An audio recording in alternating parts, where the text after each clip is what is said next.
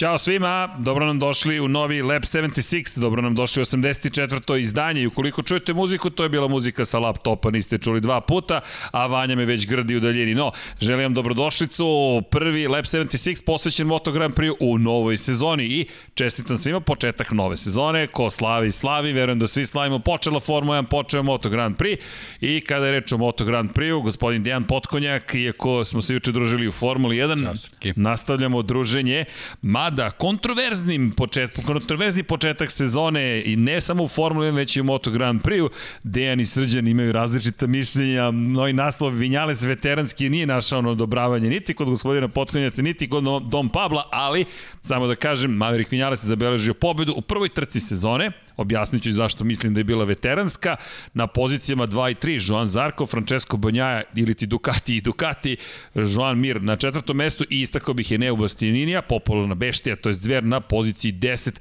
u moto dvojkama, da li možemo da kažemo očekivano, mislim da je ono bilo ipak očekivano, Sam Lowe's je na jednom, rekao bih, zavidnom nivou nastavio. Mnogi su pretpostavili da će tako da bude. Da, tako i da, bilo je zaista.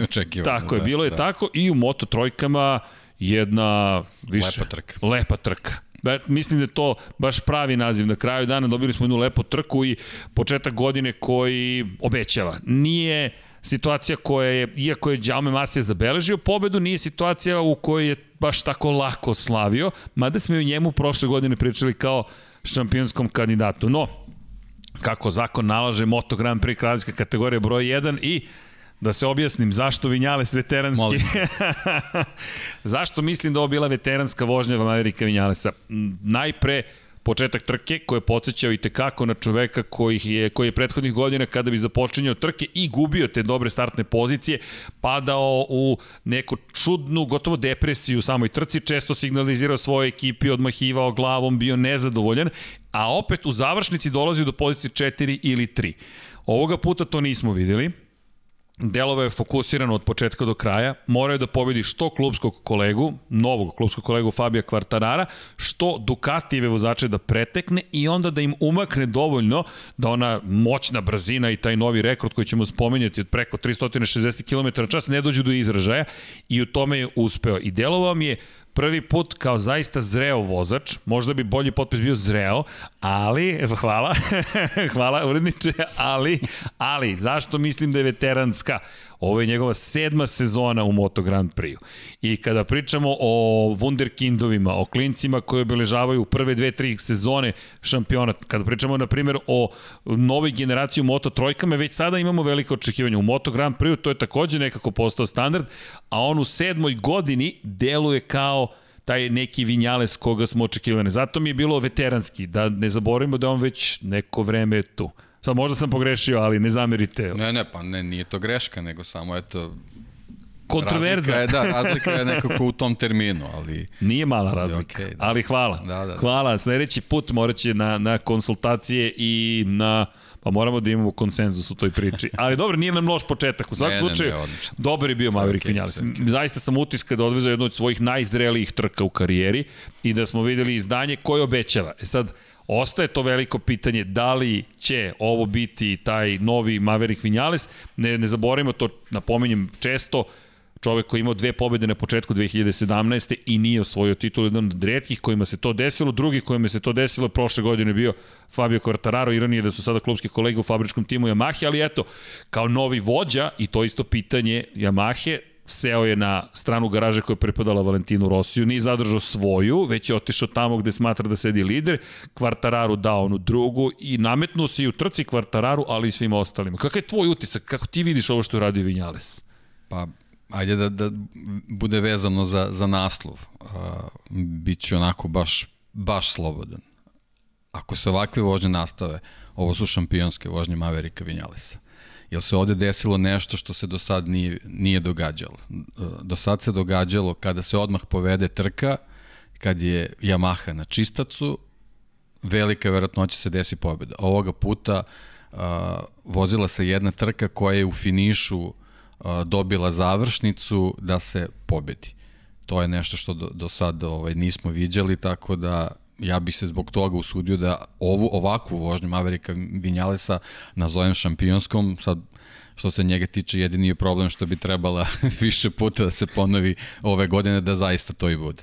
Ali apsolutno ono verovatno možda i, i, i najveće pobjede do sada u tom smislu da, izdanja i, njegovog. I kada pogledamo i analizu kako je, kako je trku započeo i kako je napredovao kroz samu trku, kada pogledaš kojim putem je on išao, ovo delo je kao jedna od onih situacija u kojima možda, samo možda, još je rano, još 18 trka pred nama, je nešto našo što je nedostalo prethodnih godina. Na početku trke, prvi krug govorimo, pao je na poziciju broj 6 I to i za Kvartarara, i za spektakularnog Jorgea Martina o kome ćemo pričati, koji je posle i pokazao da gume još uvijek ne zna u potpunosti koristi, ali imao za neke zanimljive momente. Dva kruga na poziciji 6, zatim prelazi na peto mesto, pet krugova je tu na petoj poziciji, pa tri kruga na poziciji 4, jedan krug na poziciji 3, zatim tri kruga na poziciji 2 i od 15. do 22. na prvom mestu i tu se sjajno branio. Šta se iza njega dešavalo, gotovo da ga nije ni interesovalo. Apsolutno ga nije interesovalo i to je ta novina u nekom trenutku u, u poslednjem segmentu trke on prelazi u voćstvo i apsolutno ga ne zanima šta se iza dešava, vozi svoj tempo i, i, i privodi iskusno trku kraju. ok, vidim šta si tu radio. I see what you did there. Ali u svakom slučaju, za mene prijatno iznenađenje, iako nema razloga da sumnjamo, bilo u Yamahi, bilo u Ducati na ovoj stazi, o tome smo pričali, nekako, makar sam ja davao prednost Ducatiju, nisi daleko bio s tvojom prognozom, Joan Zarko je bio tvoj pa prognoz da, evo ja za pobedu. mogu u ovom trenutku da otkrijem neke naše ovaj, prognoze koje smo davali vezano za jednu priču, jedan prijatelj nas je zamolio da damo neke svoje prognoze. Moj tip je za prva tri mesta bio Zarko Vinjales Rins sa Zarkovim najbržim krugom. Jednostavno, ono što si ti rekao, Ducatiju sam nekako tu davao e, prednost, prednost ne samo Zarku ispred Vinjalesa, nego jednostavno mašinama ispod njih, a za treću poziciju to mi je bila nekako pozicija Suzuki-a, pa sam u ovom trenutku nekako Rinsu dao prednost, ali tu se ispostavilo, ovaj, to ćemo kasnije malo analizirati, analizirati ovaj, samu trku. Na trci se jednostavno video da je svako za neki napredak, za jako bitnu poziciju imao samo jednu priliku. Rins svoju nije iskoristio i posle toga je sve propalo, sve, sve se promenilo, dok je Mir ponovo, ja mu svog puta izvinjavam, pokazao zašto je šampion i kako se koriste prilike uh, koje ti donose poziciju više i kako moraš da ih iskoristiš. Ja. To su radili i Vinjales i Mir. Moj tip je bio potpuno pogrešan.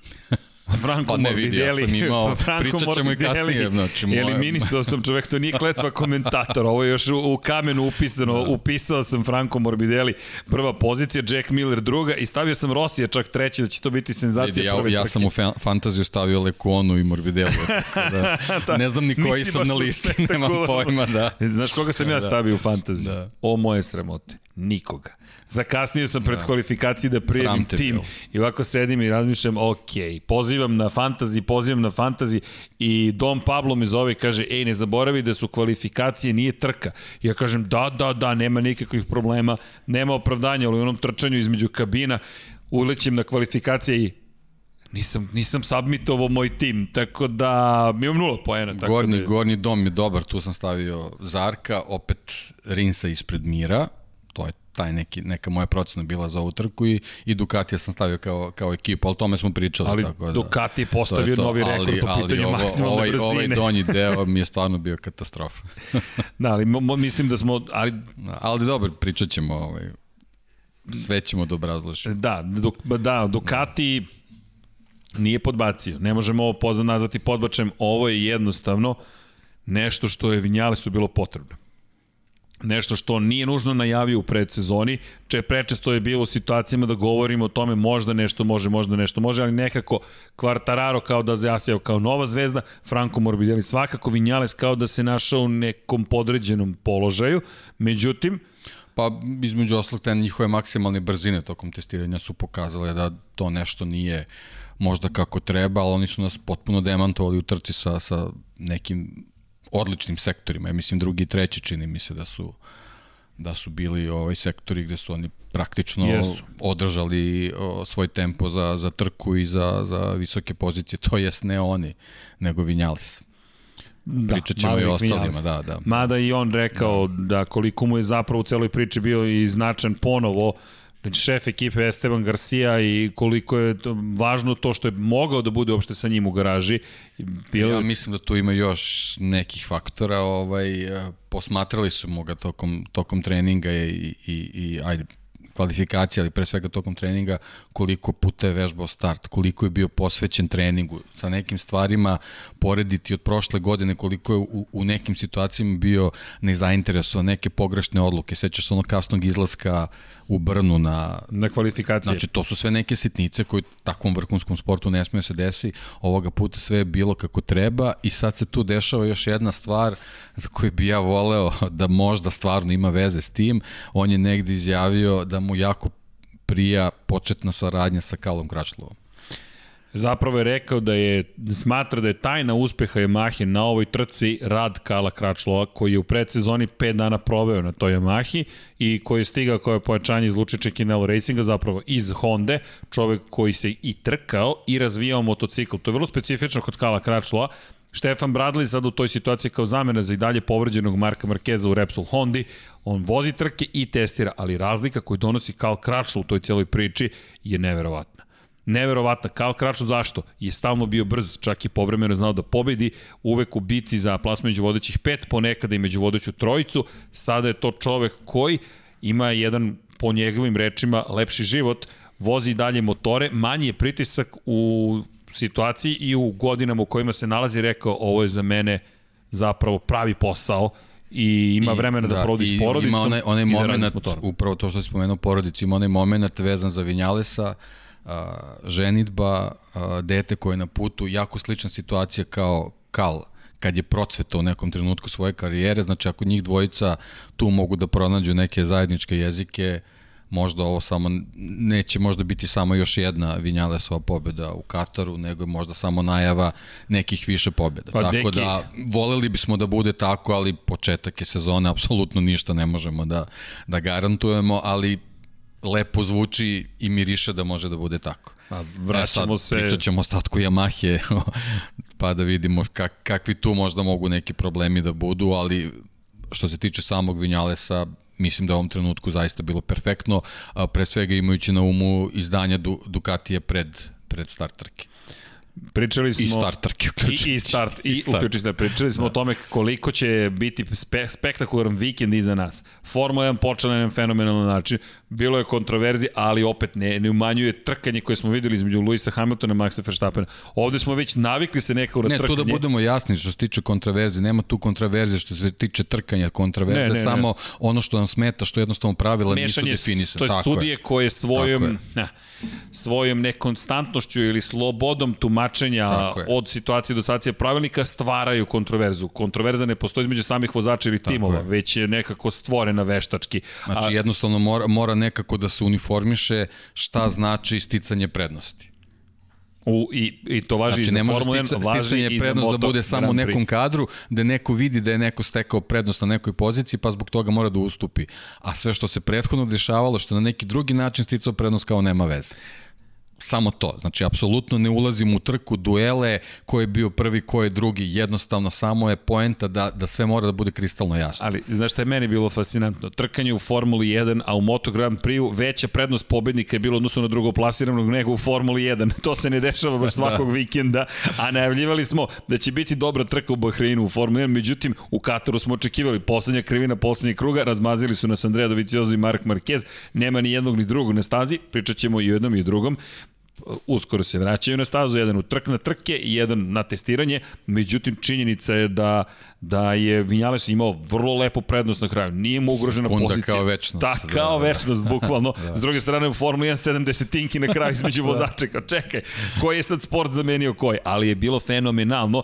Bitka za poziciju broj 2 i 3 je nadoknadila odsustvo u tih poslednjih nekoliko krugova duela za vodeće mesto. Joan Zarko koji je sjajno vozio Franče, protiv Francesca Banjaje, međutim, koji je pretrpeo poraz u direktnom duelu protiv svetskog šampiona. I ja bih prvo pričao bez obzira što su kroz cilj prošli kao lokomotiva i kao, ne, ono nisu lokomotiva i vagon, ono su dve lokomotive spojene zajedno, za one koji nisu gledali trku, izlazi iz poslednje krivine, nešto šire je prošao Joan Mir, čini se da je malo kasnije na kočenju u poslednjoj krivini, ali opet to nije smeo da bude iz perspektive Suzuki-ve snage moment u kojem jedan motocikl gubi toliko. I kada smo gledali iz, iz njegove perspektive od 290 km na čas do 320 km na čas, on je izgubio kao da stoji u mestu.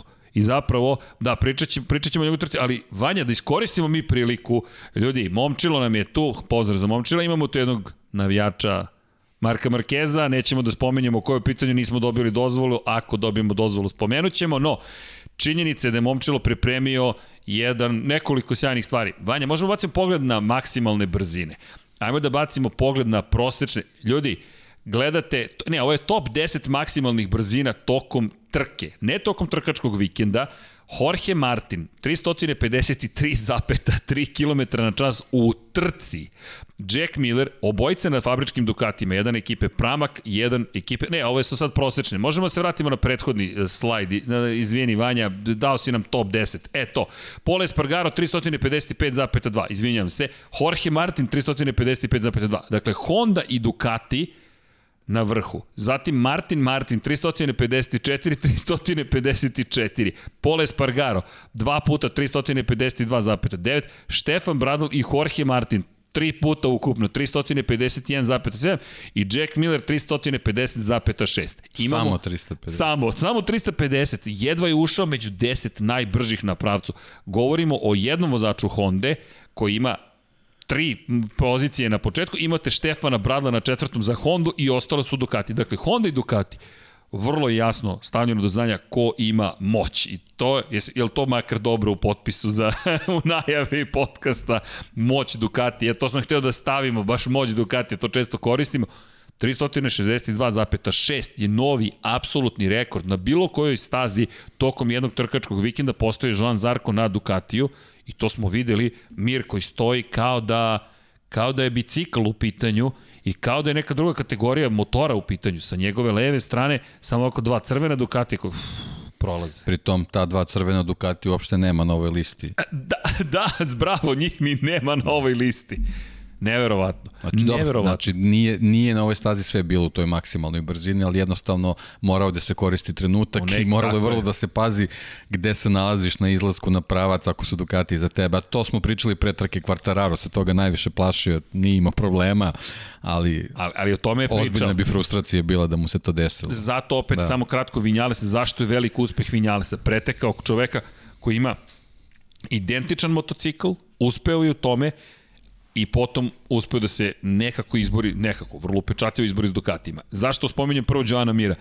Mir nije izgledao na početku trke kao čovek koji će ugroziti zapravo vodeće. Zaista nije izgledao kao čovek koji će se odjednom boriti u, u samoj završnici za plasma na pobjedičko postolje. Međutim... Kako to zvuči poznato? Kako to zvuči poznato? Ali šta smo rekli u najavi, da, da, da smo utiska opet da će biti najkonstantniji vozač. I mislim da je Mir samo potvrdio još jednom da prethodna sezona nije bila nikakva slučajnost, bez obzira na, njenu skraćen, na njen skraćeni format i manji broj trka, već da je to jednostavno način na koji će se Joan Mir boriti i ove sezone. I zato smo, kad smo pričali, spomenuli to da smo utiska zapravo da, da Vidjet ćemo kada se Marquez vrati kakav će biti, ali da će Mir biti vrlo opasan rival u borbi za odbranu titule, baš zahvaljujući tome što je toliko konstantan. I kada pogledaš do poslednje krivine poslednjeg kruga, pozicija broj 2, to je 20 velikih poena. To je već šampionska vožnja. To su bodovi koje moraš da osvajaš. Ako ne možeš da pobediš, pozicija broj 2. Međutim, opet, Ducati i čestitke. Dobro, ali ovo je takva staza, takva konfiguracija, već Već Anulirao je kad, koliko je mogao. Dobro, imamo još jedan katar, ali već kad to prođe, može da se desi da, da, da to bude neko zacementirano drugo mesto kojem pričaš, a naravno u situacijama koje može da iskoristi uh, u borbi za pobedu, verovatno će ovaj, i to da, da, da Veliki. sprovede na pravi način. Kažem, ja sam nekako uh, tipovao ovaj, i, i, u, i u pauzi između sezona da će, da će Rins da, da, da bude taj koji će biti brži Suzuki, imajući u vidu na njegove povrede na početku godine i povratak i tako dalje, međutim Mir je sa ovom trkom u odnosu na svog timskog kolegu, kolegu pokazao ovaj, zašto, op, zašto je opravdano vozač broj 1. Mir Da, moram ti priznati da nisam očekivao nužno da će pobediti Rinsa u trci u jednom momentu. Kažem, Rins je imao da tu jednu šansu koju nije iskoristio, posle toga očigledno da je on već imao malo problemi sa, sa gumama, pričat ćemo o tome, mnogi vozači su se za, žalili na grip, ovaj, tako da verovatno se to i, i njemu dogodilo, jednostavno staza, staza ne, dozvo, ne dozvoljava tu jednu agresiju koja se dogodi, a ne iskoristi se.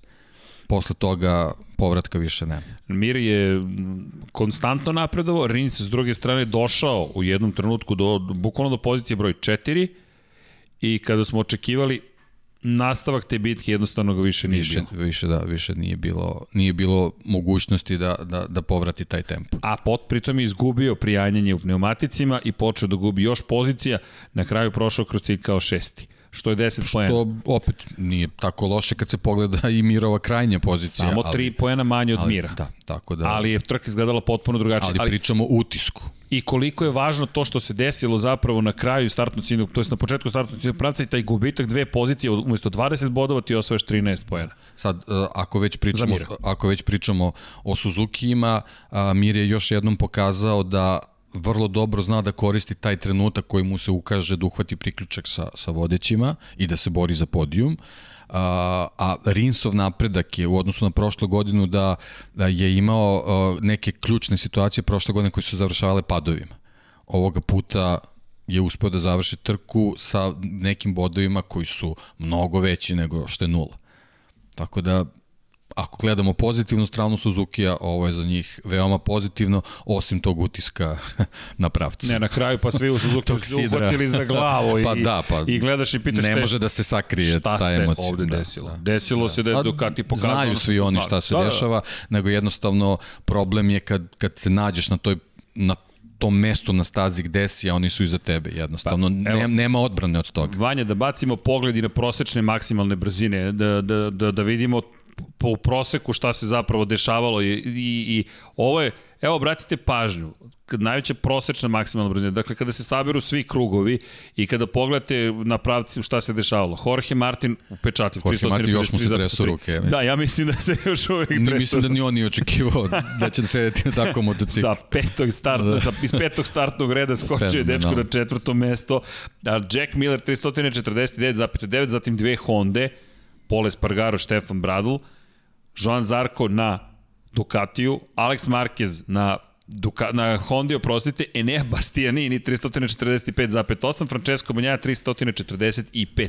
I tek onda dolaze vozači koji ne koriste bilo Hondu, bilo Ducati. Ogromna prednost. Dakle, govorimo o prosečnim brzinama, Brad Binder na fabričkom KTM-u i Fabio Quartararo na fabričkoj Yamahi. Ko ovde nedostaje? Nedostaje Suzuki i nedostaje Aprilia. E, evo vam nastavak. Valentino Rossi, Alex Rins i tek kod Aleša Espargara dolazimo do motora koji... Ako, ako obratite pažnju, prosto Rins, oprostite, Rins i Espargaro, eto, da, koje su to pozicije? Pozicije su i 12 i, i, i 13. Mir 342,8. Bukvalno nije imao šansu manje više nima šansu. Pričat ćemo i o Franku Morbideliju. Ali onda kad pogledaš ispod njega Maverika Vinjalesa, ne može da to kaže da su da, te stvari opravdanje. Što, je. što samo dodatno daje na značaju o, na pobedi Maverika Vinjalesa. Kad se pogledaju, kad se pogledaju ovakve tabele. Da, moraš drugačije da voziš, ali to je, zato, zato i, i smatramo i ti i ja da je ovo toliko velika pobeda Maverika Vinjalesa. Upravo Baš to. velika, velika pobeda, jer je ono što smo stalno pričali, najveći problem za Yamahu bio da ukoliko ne povede, ne samo za svakog Yamahinog vozača, da nema šansu da se bori za pobedu. Pokazao je Vinjales na stazi koja fakat odgovara i Yamahi iz kojeg god razloga, to je zahvaljujući sektorima 2 i 3, da može da se bori za pobedu i da maksimalna brzina nije najvažnija stvar. Ali, ukoliko vi ne možete pa, da eto, se nekako, izborite... nekako da ispadne da je, da je odlično koristio delove staze na kojima ima prednost motocikla je bilo kojeg da vozi i ti neki izlasci na startni pravac gde, gde, gde jednostavno u pravom trenutku se nalazio na pravom mestu da, da se ne nađe u nekoj hrpi Odlično. vozača koji će kasnije da ga, da ga zatvore i, ili, zna, ili znamo šta se dešava kad Yamaha ostane iza nekog. Da, i, i imali smo situaciju u kojoj Ducati pokazao jasno koliko je moćan, ali smo takođe videli i mnogo niže brzine nego što smo ih viđali u treninzima. Prosto trka je vožena u vetrovitim uslovima, to je nešto gde, to su uslovi kojima su vrlo osetljivi svi motocikli prema rečima Francesca Banjaje, osim Honda. To je ono što mi je bilo zanimljivo, da je rekao za Hondu da Honda nema suštinski problem s vetrom i da je to jedini motocikl koji nema problem s vetrom. Nismo to nužno videli kroz rezultate. Pole Spargaro jeste bio među, reći 10. Uh, da, ali meni je jako žao što, što LCR momci nisu, nisu ovaj, uspeli da, da završe trku, ali ja nekako znaš već iz, iz predsezone nekako tipujem u ovom, u ovom delu na, na njihovu spremnost da su, da su nekako u bolju poziciju od, od Repsole, baš mi je žao što su jako kratko bili u trci, jer, jer, jer me strašno zanimalo kako će oni doći do finiša. Nažalost, nisu da, ni, ni blizu drugi, bili. Baš da. katastrofalan da, da, da, da, da, dobro, mislim, dešava se sad, sad bilo bi, biće zabrinjavajuće ako to nastavi da se ponavlja, ali jedna trka i to na početku sezona, ako je trebalo da se desi bolje što se sad desilo, kažemo ok, sad krećemo od nule, shvatili smo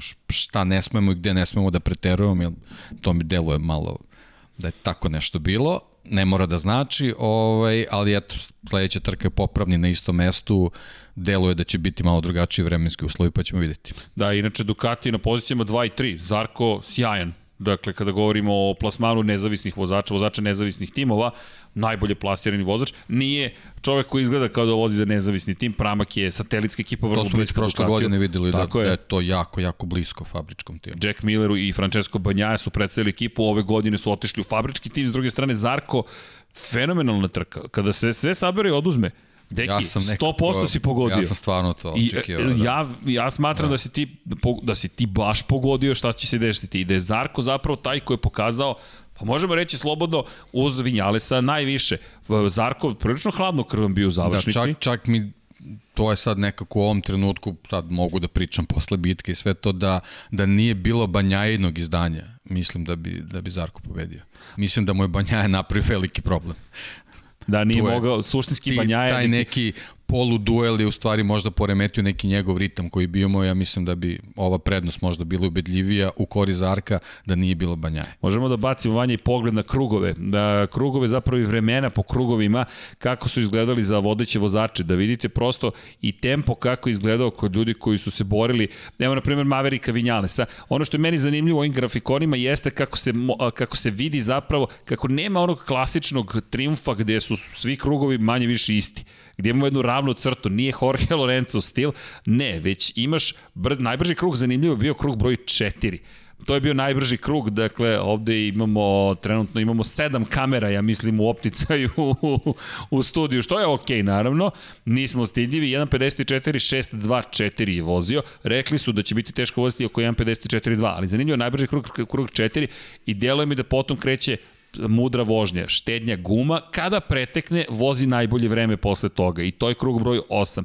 Pa opet, prati, pazi, čeka i tako dalje. Ako bacimo pogled na ostale kako su vozili. 8 i 17 ovde delovi da su da su bili jako bitni što se ali, tiče njegove neki, vožnje. To, to da. su bukvalno, ali ono što je meni fenomenalno, onaj moment kada pogledaš, Vinjales je u tim trenucima zapravo u bekstvu praktično. U, u, u tom momentu, on je 15. krug, on je 15. krug započeo ispred Banjaje. Banjaje se tu držao i kreće u napad. Ali, Vanja, možeš da vratiš, izvini. Ali ako a pogledate krug broj 17 i kod Joana Zarka, Tako u je. tom momentu Zarko u 17. krugu prelazi na poziciju 2 i kreće u napad. Hvala, ovo je još bolje pop. Obratite pažnju, Vinjales, Zarko, Banjaja i Joan Mir. Mir koji vozi krugove poput Vinjalesa u, tim, u 15. krugu, u 16. U, u 17. ne, u 17. su Zarko i Vinjales povukli potez. Banjaja značajno tu gubi, Mir koji polako sustiže Ducati, ali Mir je konstantno brži od Ducatija. Izuzetak je poslednji krug. Izuzetak je samo poslednji krug. Vinjales koji deluje da je u 20. 21. već usporio dovoljno, ali hvala inače Momčuru za, za, za uporednu analizu i ovde možete vrlo lepo vidjeti zapravo koliko su izjednačeni bili Vinjanes i Mir u suštini u jednom momentu. Međutim, opet kvalifikacije, problem za Suzuki, jedva se, se, se uđe u vodećih 10, među vodećih 10 i opet ta čuvena bitka. Ove godine, međutim, da napomenemo, kvalifikacijama je lakše, ko iz Q1 prođe u Q2 i dalje ima dodatni set guma koji može da koristi samo da. u Q2. A može samo, izvini, da vratiš one uh, po vozaču uh, tabele uh, za krugove? Pojedin... Mislim da je Zarko bio, da. Zarkov. Da. E, mislim da je kod Zarka najveći problem bio ovaj početak trke do, do sedmog kruga, da kažemo do osmog kruga. Mislim da ovo nije planirao da ovako niske krugove. To ovako niske, da, deluje da, da je tu... Jel u ovom trenutku kod Vinjalesa imamo samo jedan krug koji mu je bio bitan da drži priključak i posle Banja, bio laga... Da, Upravo Banjajna to. greška čak bih Upravo rekao. to. Ja mislim da je, da je to bio... I, evo ga. Jel vidiš? Banjaja znači, koji je pokušao bio da prinuđen sa onim, sa onim uh, uh, brzim krugovima na početku. Mislim da je sebi napravio problem, nije imao kasnije dovoljnog potencijala u gumama da, da uradi to što je planirao. A Banjaja je rekao... Šta smo planirali. Pazi, a pazi sad ovo. Banjaja je tokom konferencije za medije u subotu rekao neću voziti brzo na početku zato što onda u 15. krugu, to je na kraju trke, padate na poziciju broj 15. U prevodu, Nisam možda planirao, ali kada sam poveo kako te ponese situacija, ili je možda to bio plan, da je rekao neću to da uradim pa, da bi to uradio, kako ne teško znamo. Je, teško je da ne prihvatiš tu poziciju, jednostavno Ako Otvorila te neko, se. Ako te neko ovaj postavi za lidera tom nekom situacijom, ne, nećeš ti to sad da, da, da prepustiš, mada eto, u tom nekom razvoju situacije možda bi bilo bolje da, da nije tako, ali ja mislim da on prezdovoljan podimom. Tako pa da, prošli put kad je bio u toj situaciji da vodi... I posebno zato što su imali taj strah da im se u poslednjih nekoliko krugova ne desi to 15. mesto. A tako da... Da se vratimo u Mizanu, izvini, prošle godine. Vodiš, iza tebe je Vinjales. Opet imaš situaciju u kojoj vodiš, iza tebe je Vinjales. Prošli put kada si to imao kao situaciju, nisi završio trku, izletio si sa staze Vinjale, zabeležio pobedu. Na kraju, i nije, nije 20 poena, ja stalno mu dodajem dodatne poene, 16 poena osvojio Banjaja, što je opet fenomenalan početak. I zador pol poziciju svoju prvu u karijeri, nemojmo to zaboraviti, najbrži krug ikada, 1.52.7 je vozio u, u znači, Kataru. Ušao si u istoriju, osvojio si pol poziciju, popao si na podijum na trećem mestu. U prvoj trci za da fabričku to, ekipu. Da, mislim da je to za fabričku ekipu koja je prošle godine bila takva kakva je bila. Nije loše. Tako da ne deluje mi baš da je loše, pri tom si sve vreme u senci klubskog kolege od kojeg se očekuje pol pozicije najbrži krug i pobjeda. I na kraju pozicija broj 9. Pa ja sad, sad možda mogu da kažem nekako očekivano što se mene tiče. Da sam to rekao pre trke, mislim da bi bilo ko Iskreno, zna šta bi se padalo sam... po meni, ali ovaj, cigle. jednostavno. Ali vidi, verovao sam u Millera u ovoj trci. Zaista sam verovao u ovoj trci. Ali ne u sezoni, to ono što smo pričali. Ne vidim Millera na tom nivou, niti vidim Millera kao naslednika Casey Stonera. Ikada. Ne, ne vidim, to što su iz Australije vozili, voze Ducatije, to je jedina sličnost. Jack Miller i Casey Stoner drugačiji ne pristup, mogu... Drugačiji je pristup svemu. Deki, ne, svemu. ja mislim da je nemoguće porediti, ono je legenda, ono je kultna ličnost, ono je čovek koji, koji bi sada da ga staviš na motor bio konkurentan. Ok, ima neke druge probleme, ali ne poredim ih, prosto nisu mi ista klasa. On je ultra talent. Tako je, to je anomalija. Nekoliko njih je samo bilo, evo, evo negde sam video na nekim društvenim mrežama, pa sam ja, mislim da sam vam poslao da vidite na današnji dan je Valentino Rossi debitovao u... Čekaj, doći ćemo, doći ćemo do toga, ali godina. hoću kažem, to je ta neka kategorija i više puta smo to rekli, tako da je jako teško se tu naći i mnogo toga dobrog moraš da uradiš da bi neko mogao da te poredi sa momkom čiji dizajn broja je jako sličan. Tako da to je to je jedina sličnost u ovom trenutku. Australijska Mnogo zastava. Mnogo toga je drugačije. 40 a, a imaš, trojka... e, imaš klubsku kolegu koji je pokazao kako može klikerom da se vozi i da se završi onako kako se planiralo. E sad, svima se tu desio neki Vinjales, koji možda jednostavno nije, nije, nije se očekivao da će biti u toj grupi i zbog toga, ponavljam još jednom je njegova pobjeda toliko velika i značajna. Evo gledamo, odbrojava se vreme 19 časova, 26 minuta i 24 sekunde do zvanične konferencije za medije za veliku nagradu Dohe. Nemojte zaboraviti da mi nastavljamo samo sa trkanjem. Ne, ništa se nije završilo, pa otvorili smo sezonu i jedina, nadam se, staza koju ćemo dva puta posetiti ove godine. Ukupno 19 trka, računajući trku koja je pred nama. Samo se ne zove velika nagrada Katara, već velika nagrada Dohe i koliko već ove nedelje ćete imati priliku da gledate još tri trke u Moto trojkama, dvojkama i Moto Grand Prix. Idemo mi dalje, svi imaju priliku za popravni. Prošle godine, to je nešto što Dom Pablo često napominje, kada pogledaš rezultate prvog vikenda i sledećeg vikenda, stalno je bilo potpuno drugačije. Nismo baš imali, u nižim klasama se još i, i nekako dešavalo da neko nastavi istim tempom. Naprimjer, u Aragonu smo mogli da vidimo Masiju koji je to iskoristio na savršen način, ali U Moto Grand Prix ne nužno, ne nužno. Jedan vikend dobar, sledeći vikend loš i obrnuto. Jedan vikend loš, sledećeg vikenda si dobar. Tako da nemamo predstavu šta će se desiti. I još jedna stvar, ono što si rekao, ti si već rekao prošlog srede da se očekuje oluja za nedelju i da će to biti vrlo zahtevni vremenski uslovi, pesak na stazi, vetar u točeoni vetar na startno ciljnom pravcu, što ponekada otvara mogućnost onima koji su iza da imaju veću prednost zapravo. Ti si taj koji probija se kroz čeoni vetar i iza tebe nema vetra, nema otpora vazduha, izađeš i pretičeš. I bila je zanimljiva diskusija na Twitteru, David Emmet, naš dragi kolega s Motometers, pratite ga, topla preporuka, je čovek bio koji, izvinjam se, like, udrite like, naravno, čuveni like, subscribe, like i sve ostalo, i čovek koji je tweetovao kako je lakše sada onome ko predvodi zato što ima čelni vetar. Javio se, pazi, meni neverovatno, Ben Spies se javio, svetski šampion nekadašnji za Superbajku i rekao, ne, ne, Davide. Pogodilo ga ne, da, ne, ali odgovorio je Emetu i rekao ne, još je lakše preticati kada ima čeoni vetar vođa, s obzirom na činjenicu da otpor vazduha koji stvara tako velik da ti stekneš ogromnu brzinu i čak i kada izađeš ti u taj čeoni vetar i dalje imaš ubrzanje, neophodnu inerciju da te dovede do bolje pozicije.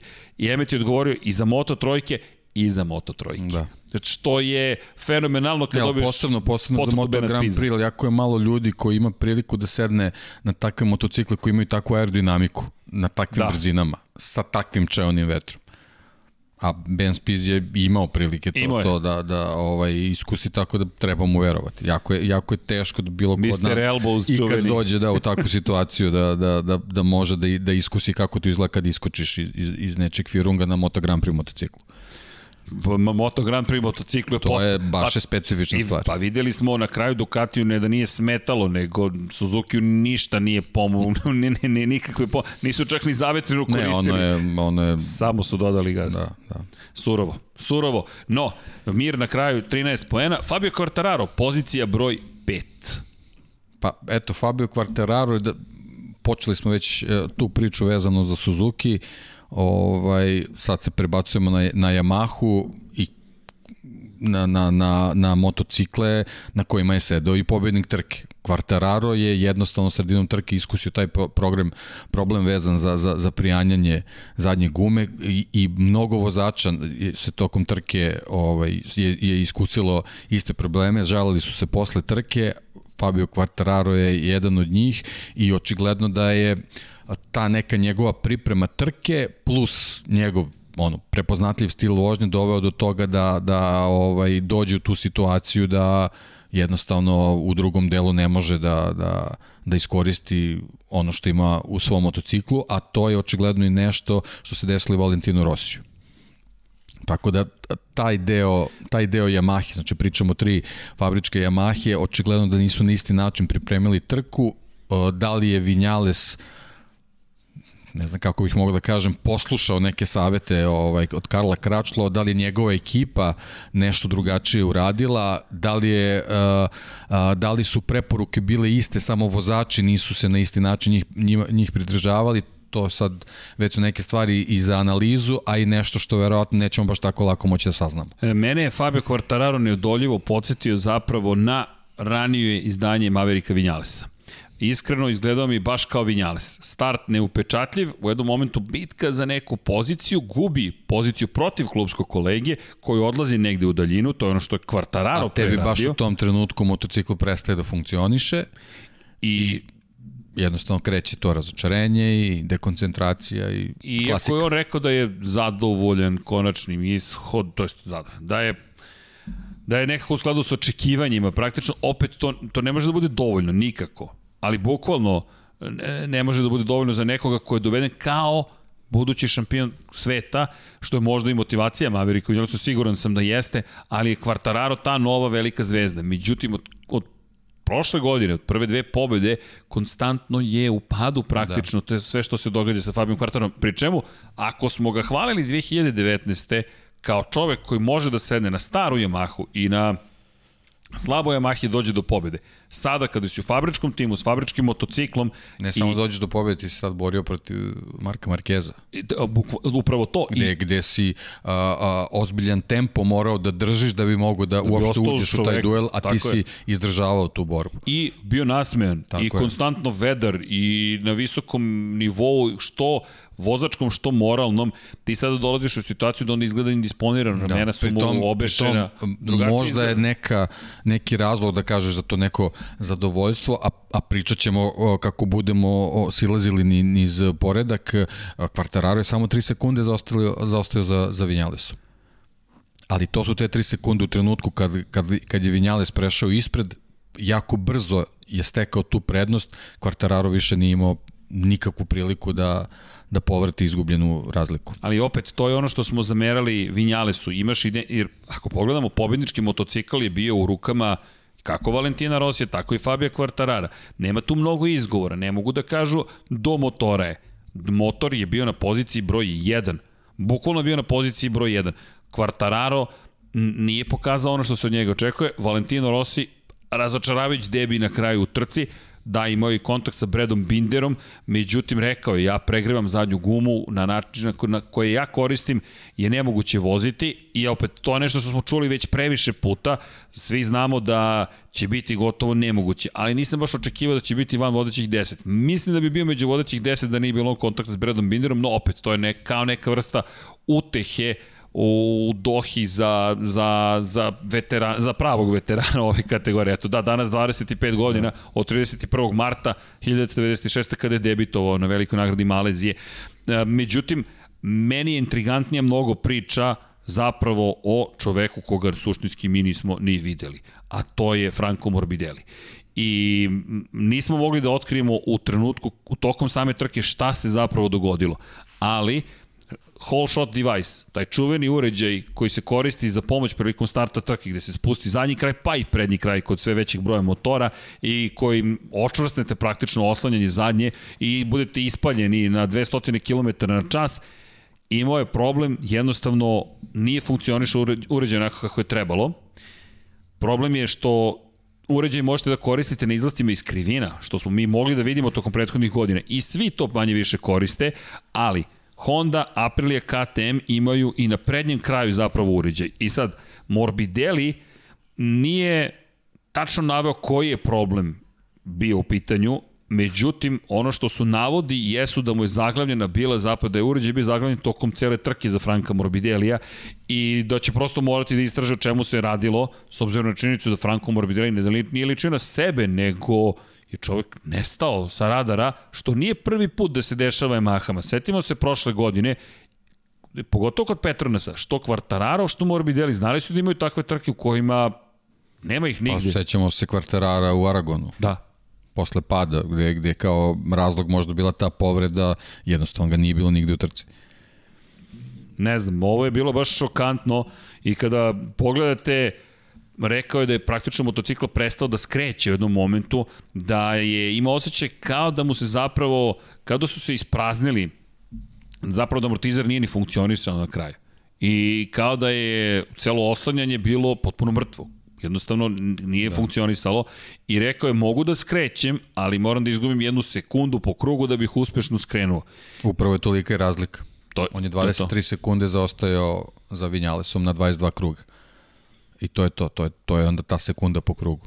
Da, ostao je, svaka mu čast što je ostao na stazi, ali činjenica pa, da je... praktično je bio poslednji, ne da. računamo Salvadore, jer on, njega smo već, nažalost, to otpisali i jednostavno čovjek ne pripada ne pripada ovoj kategoriji, mislim sad je grubo je tako reći, ali jednostavno zauzeo mesto nekome, tako da ovaj, eto, ja sam prokom, komentarisao malo, malo sam bio i, da kažem, i besan zbog čitave te situacije s Morbidelijem, ako, ako Yamaha jednostavno nastavi tako da ga tretira gde, gde ovaj, ne bude bio prilice da ima barem maksimalno pripremljen motocikl na, za trku ako, ako već ne može da vozi najnoviju generaciju da, da se jednostavno sam prijavi da pozove Aprilu da kaže da će voziti za platu samo ako treba ovaj, da sledeće godine pređe tamo. Ili jednostavno šteta je da, da ovaj jedan motocikla, posebno ako, ako vidimo izdanje Aleša Espargara, da, da jedan ovakav motocikl se troši na, na jednostavno izdanje čoveka koji je dobar vozač, ali jednostavno nije, nije za Moto Grand Prix kategoriju. Da, mo, možda smo previše strogi. Pa da, da, tako so... zvuči, ali jednostavno to je ono, što, Činjenica... što pre shvatiš, pre ćeš preusmeriti karijeru nešto drugo gde možda budeš mnogo uspešniji. Da, ono što je pa, problem za njega jeste ta povreda ramena koju ima. Naravno, sve, sve I stoji. ne sporimo je naprotiv, ali prosto čak i s tom povredom Savadori ne izgleda kao čovek koji, koji može zaista da pruži adekvatan nivo vo, vo, vožnje ja koji je ne, potreban. Apsolutno ga ne poredim sa bilo kim na gridu, osim sa timskim kolegom. Da, i... Razlika je prevelika. Da, baš je prevelika. Ok, sačekat ćemo naravno i tu drugu i treću Absolut. trku. Čekamo naravno da vidimo da li će Aprilija nešto menjati, mada se već oglasio i menadžer Andreja Dovicioza. Dovicioza za one koji ne znaju će testirati tokom aprila Apriliju. Mislim da sada svi žele tu Apriliju, dobili smo i potvrdu da taj motocikl je izuzetno dobar. Mi ne govorimo samo o poziciji, da, sedmi je bio na kraju Aleš Espargaro, što je više nego respektabilna pozicija, ali mi govorimo samo nekoliko sekundi 6 zapravo. 6 sekundi, 5, 5, 6 sekundi, 5,9 sekundi recimo. To je potpuno, da. prosto, prosto je fenomenalno. Ti kada pogledaš e, e, više nego fenomenalno, mi govorimo o, o vrlo, mi govorimo o vrlo ozbiljnom plasmanu za Apriliju koja je imala ranije u predsezoni situacije u kojima se nađe na, na samom vrhu praktično za u predsezoni, u okviru za pripreme i onda kada dođe trkanje, samo negde nestane. Bukvalno samo negde nestane. I mi kažemo, ok, ne znamo sad šta se događa dalje. Tako da kada govorimo, kada bukvalno kada govorimo o onome što negde očekujemo u budućnosti u narednih nekoliko trka, mislim da možemo biti optimistični nego ikada ranije kada je reč o aprili.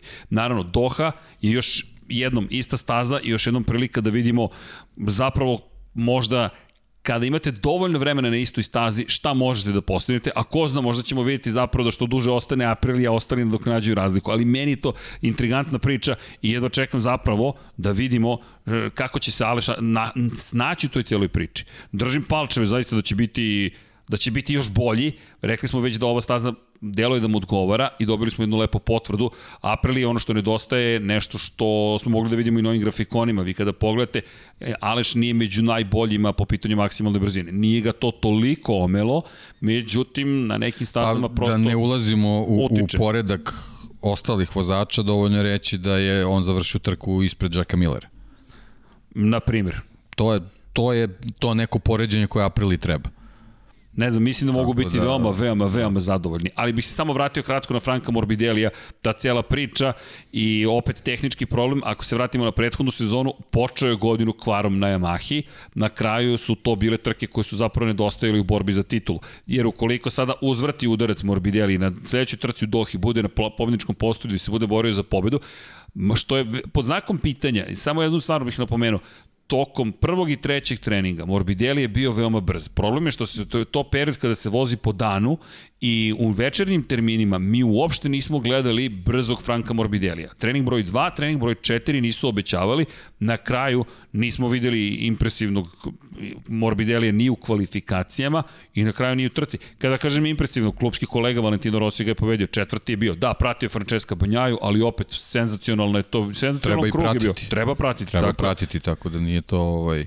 E sad, vremenske prilike će biti donekle drugačije, bar prema najavama u, u vikendu koji sledi. Uh, mislim da, da uh, uh, kako sam pročito, neće biti toliko jak vetar kakav je bio u nedelju, ali jedini je problem čini mi se će biti nešto niže temperature, koje su već bile niske za, za, za yes. Dohu, tako da mm, još jedan je, faktor. Da, bitno je, bitno je sad se prilagoditi tome, jer može, mogu da budu elementi koji mogu da donesu neke nove razlike. Tako da vidjet ćemo, sad svi bar, barem imaju iskustvo ove trke, jer znamo, prošle godine nije bilo Katara, tako da sad imaju iz, iz, ovaj, iskustvo ove trke, kratko je, kratko je period za pripremu, ali mislim mislim da ima da imaju dovoljno vremena da mogu da, da se pripreme da ovi koji su možda podbacili u nekim našim očekivanjima, verova, očekivanjima verovatno i svojim da da budu nešto bolji.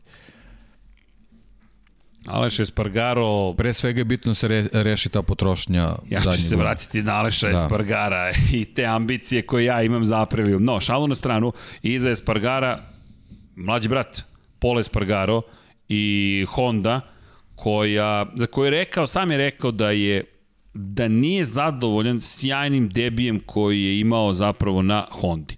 I od Honda nekako, zahvaljujući pa i njemu i njegovoj predsezoni, očekujemo Čekujemo više, uvek očekujemo od Honda više, međutim očekivao sam, moram ti priznati da će biti još bolji od ovoga.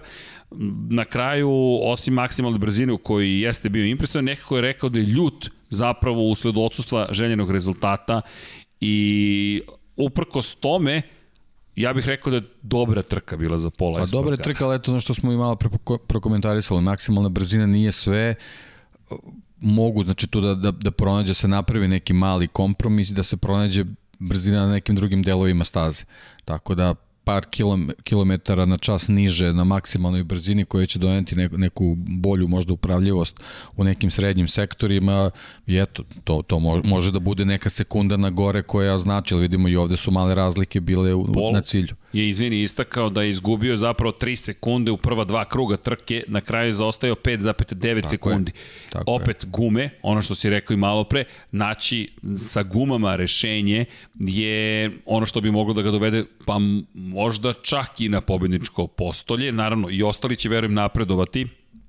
Zanimljivo je rekao da mu nije bitno što ga je pobedio brat na aprili i da je imao još malo vremena, verovatno bi ga pretekao, no činjenica je da... Da, ono, 50 metara 100 da je bukvalno, bilo. bukvalno to je nedostao. Da. Na kraju, koliko, 50.000 pa milisekundi je bio da, iza brata. Da, da. I to je isto lepa priča, da prosto vidiš njih dvojicu kako sadno. Inače, Luka Marini, polu brat Valentina Rossi je rekao da je umalo zaboravio da je sa polubratom, to je sa bratom, ja, to, kad govorim polubrat kao da kao da nisu to toliko bliski. Da, tako da, je, da. tako je. I rekao je inače da se mnogo mučio, to je zanimljivo da je bio najlošiji od Novajlija, zanimljivo da Enea Bastianini bio dosta bolji na istom motociklu, inače Enea Bastianini koji je desetu poziciju zauzeo na dve godine starom Ducatiju i briljantno vozio, zverski Bastianini je bio potpis, ali htio sam da bude pozitivno, beštija, da je odvezao onako kako sebe potpisuje, kao zver, ali Enea čudno izgleda, izgleda spektakularno brzo, zapravo jedan prilično sve finiji, finiji momak, agresivniji bio kao klinac nego sada, ali deki preciznost koju moraš da imaš na Moto Grand Prix motociklu je nešto što za što moraš da imaš osjećaj. Posebno što on čitao vreme bio u nekoj grupi, on, on jednog Jeste. trenutka nije imao mogućnost da vozi neke svoj tempo, nego sve vreme se prilagođavao drugima, a, a znamo kakav je Ducati kad, kad, je, kad moraš da ga lomiš s jedne, s jedne na drugu stranu, tako da to uopšte nije bila, bila laka situacija u kojoj se našao i eto, deluje da se baš, baš lepo snašao, deseto mesto za, za debi na, na starom motociklu stvarno, stvarno je izuzetan plasman meni je to uz sa vožnje dana. Bukvalno vožnje dana smatram da ono što je Bastianini učinio je vredno takve pohvale. Pa jeste, mislim, mi smo na taj način gledali Zarka na tom motociklu prošle godine. Prošle tako, godine. Tako da, tako da to je, ako smo već Zarka hvalili, jednostavno ovo mora da bude i neki stepen više pre svega zato što je bio debi. Jer ne, ne smemo da zaboravimo koliko on malo dana vremena za upoznavanje s ovim motociklom imao. Imao je 5 dana predsezonskog testi, predsezonskih testiranja i to je to. Dobro. Tako da... Imam pitanje od da. publike preko veze. Mm -hmm, Jel to... ti u fantaziju? E, ne. nema, nema objašnjenja, ne, ne, ne. ok, vidio. Ne, ne, u stvari imam objašnjenje, ne, objasnio sam je o čemu se radi. Ono, ono na što se ja kladim, jednostavno ne treba nikad igrati i, i ne treba, ovaj, nikad ne stavljam svoje favorite zato što uvek će da bude nešto kontra. Izvini, ali ovo je bilo preko Eto, to, to je ta uteha. Pitanje. To je ta uteha, da. da. da pa, inače... Hvala i tebi i vezi. ne, ne, ništa, nema ništa da brineš. To najmanje što sam mogao da učinim za tebe večeras je to pitanje, ali sam te zbunio, to je... To nisi, je već... nisi, očekivao sam to. ok. Da, u svakom slučaju, da, nemojte nas slušati, a to jeste čudno, zapravo koliko ponekad podlegnemo senzacionalizmu tim vrstama najava. Kad sednemo ozbiljno, onda je to malo drugačije, ali ok. Nenea Bastianini, zaista sve pohvale, zaslužio je zaslužio da ga bude u kadru, to su malo prekomentarisali. Evo, nagradno pitanje, nije nagradno, ali evo pitanje, koliko puta ste Neu Bastianini videli u prenosu trke Moto Grand prije prethodnog vikenda?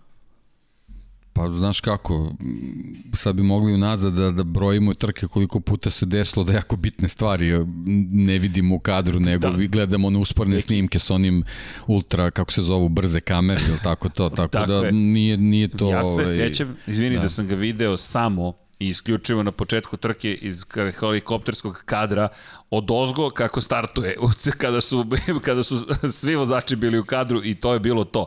Čovek je vozio jedno od najboljih trka, mi ga nismo videli u kadru. Da, pa ovde jedino, jedino opravdanje za, za režije što ono stvarno se napred dosta toga dešavalo, ovaj, pa eto, može, može da bude kao opravdanje, ali, ali nije, jednostavno nije. Da, ja, ja, ja se sećam da... Nema njih toliko puno da ne možeš da, da, Mi, da, pro, da ih par sekund staviš da, ali bukvalno je bilo samo obavezno prikazivanje, evo je Nea Bastiri, menja i, i to je otprilike sve. Šteta. Šteta, ali, ali okej. Okay. Da, Enea Bastini, inače, evo, pozdrav imamo Dragana Matića, kaže, Deki ima svojih 3 minuta za Enea Bastinini. Maj više 3 minuta. 23 minuta, ima novi broj, čekaj, 23, da. nije više 33 ali je, ali je to. Da, i Boris kaže, bije viđenje i pred start, start na da, gridu. Da. Jeste kad moraju da prikažu sve vozače i to je bilo otprilike to. Ali da. Dobro, uče se, još su mladi. Biće, da, biće da, idealnih iskustvo. prenosa, da, ne bojte se. Da, to je čudo kako, su, kako, kako ponekad propuste ne, neke veoma važne pa stvari. Pa jako je važno da, da i režiser voli, voli to što, što, što radi. Tako da... Možda i da zna to što da, pa radi, to, ne bi mislim, bilo da. zgore. Dovoljno da voli. Kad voliš, onda ćeš lako da, da da naučiš i, da proceniš šta je bitno. Tako je. Posebno što znamo da, da generalno ljudi koji sto, sede u režiji nije, ne, ne menjaju se oni baš toliko često. Ne menjaju se uopšte, to je specifičnost kod Dorna, što da, ona vodi celu ekipu stalno na svaku trku. Tako da je baš trku. čudno, baš čudno. To je kod u Formuli 1 bio izuzetak, za mene fenomenalni izuzetak što smo imali u Japanu posebnu režiju. Uvek je u Japanu bio režija sa, iz Japana i to su meni ubedljivo najbolji prenosi ja ne znam kako, ali uvek imaju pravu osobu na pravom mestu i ne samo tehnički, već sadržajno, kako Japanci to uradi, ta japanska režija. Od, moje oduševljenje je apsolutno i nadam se da ćemo imati prilike da vidimo i, i trke u Japanu ove godine, što u Formuli 1, naravno što u Moto Grand Prix, ali doći ćemo na to. No, da se vratimo o stanju u šampionatu sveta. Jacka Millera, malo smo preskočili, to smo konstatovali deti.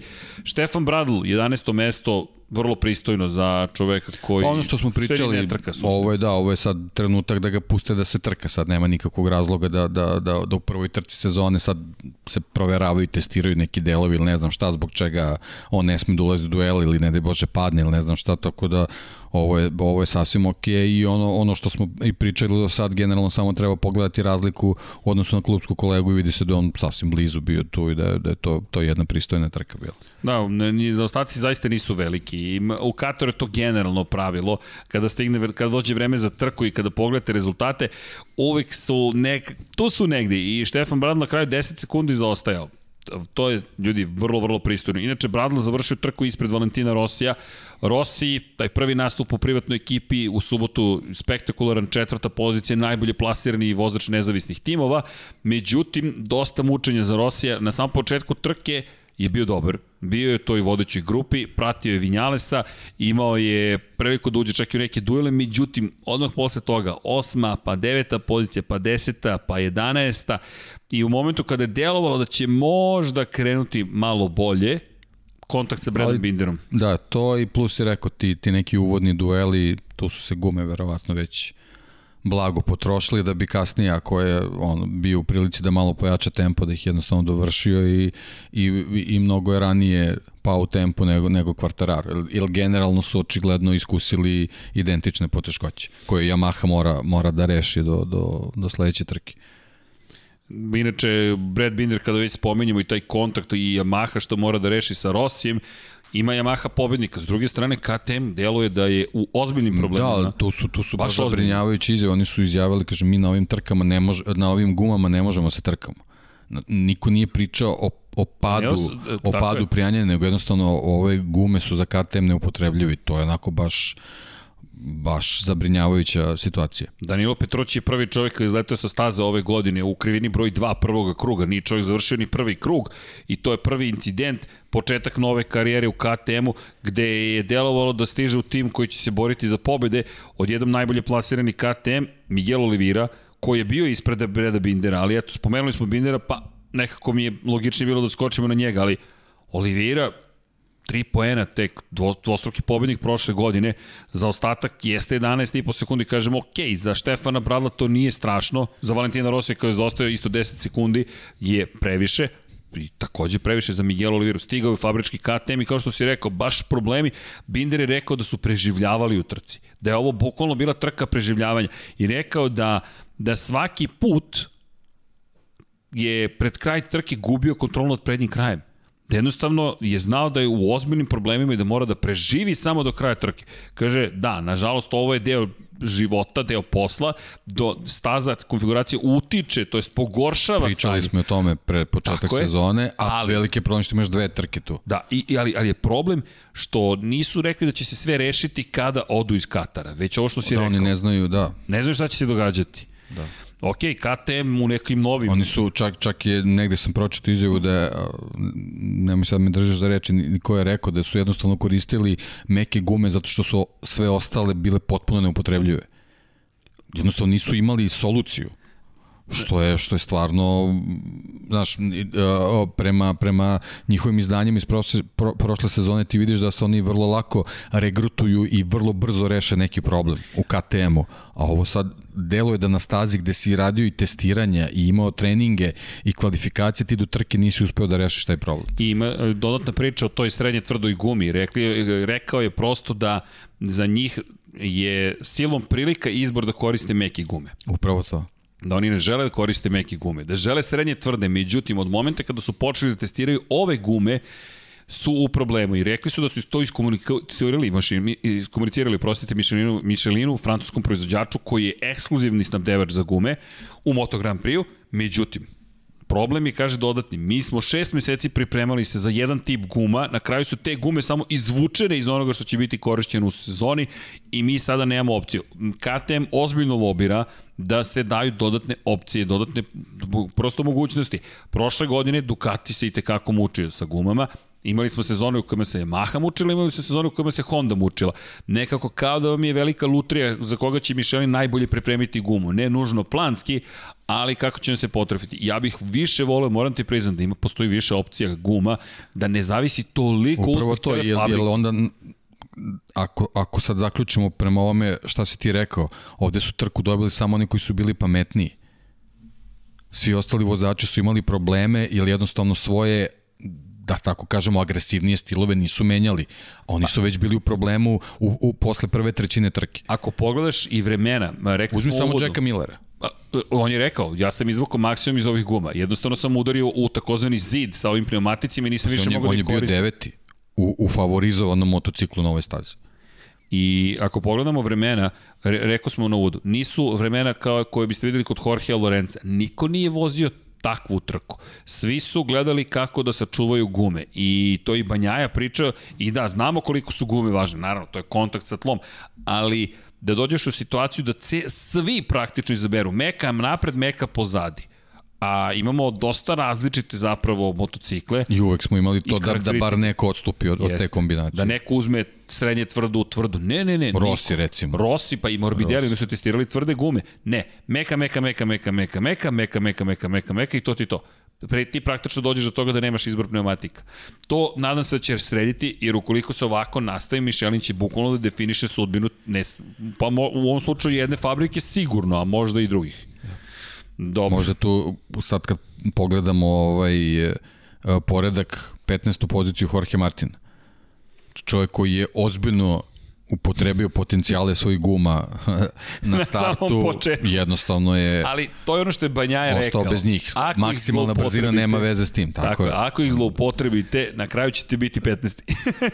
I to je to. Evo ga, to je to, 15. pozicija. Rekao je... Slušajte Francesca. Slušajte Francesca Banjaja.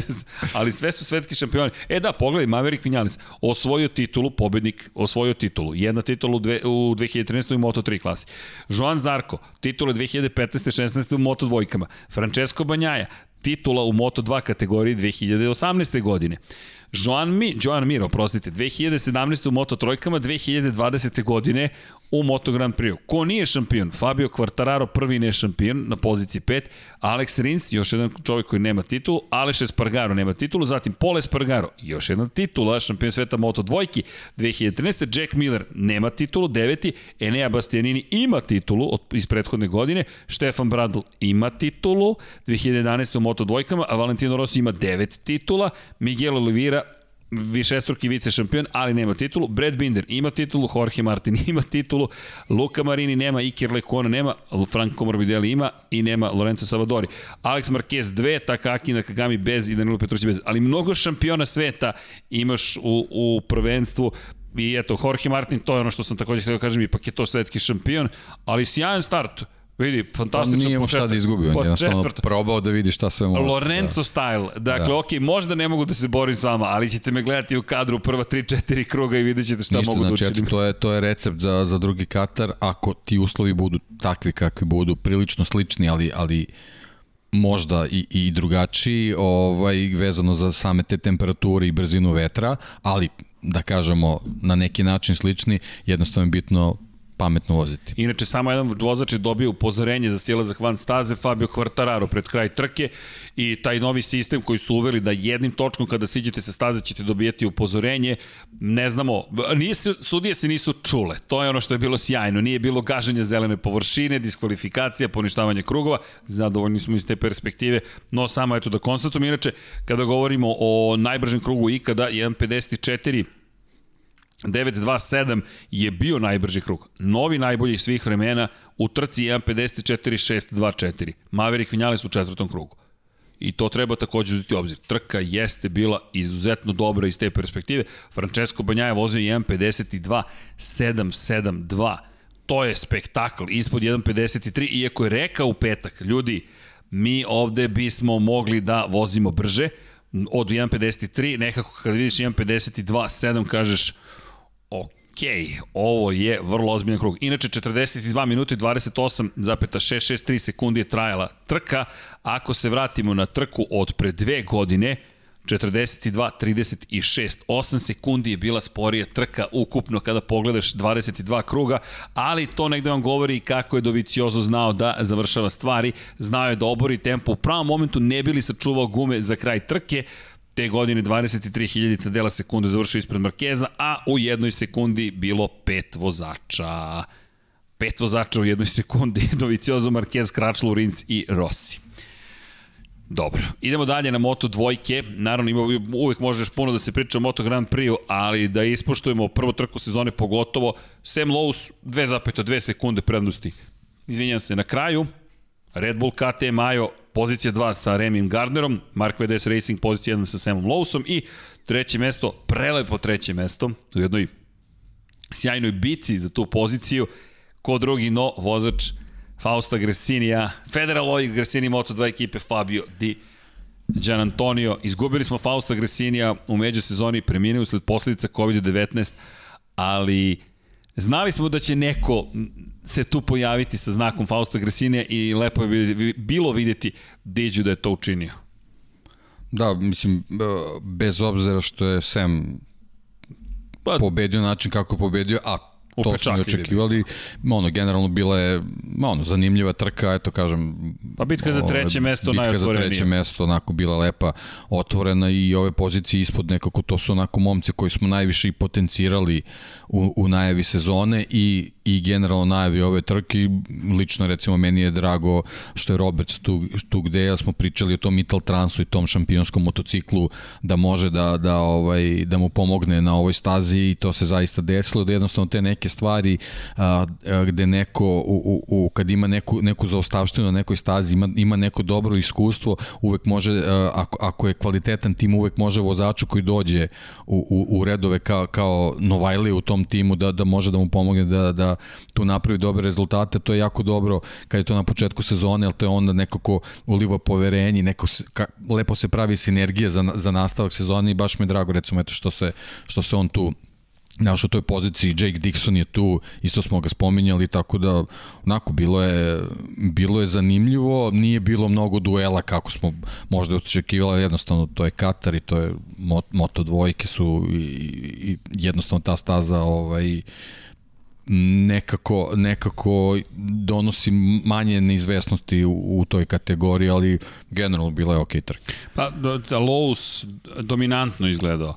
Postavljali smo to pitanje prošle godine, propustio je prvu trku sezone. Izvini, e, Lowe's i Galaxy, to smo, to smo rekli. Bilo Svakako. je jako teško da očekujemo da će sad neko tu da se ubaci, ali... Bosco Scuro na poziciji da. 10, Jorge Navarro. Nema, nema i dovoljno drugih motocikala da bi nešto tako bilo, ali jednostavno Galaxy, to je to. Je to. Katari su oni prošle godine Lowe's propustio trku u Kataru, bio je povređen i tek smo ga u Herezu videli kada se kvalifikao u prvom startnom redu, kada je rekao svima koji nisu verovali, ja nisam verovao i govorio sam otvoreno da njegov menadžer zaslužuje da bude nagrađen zlatom svoje težine.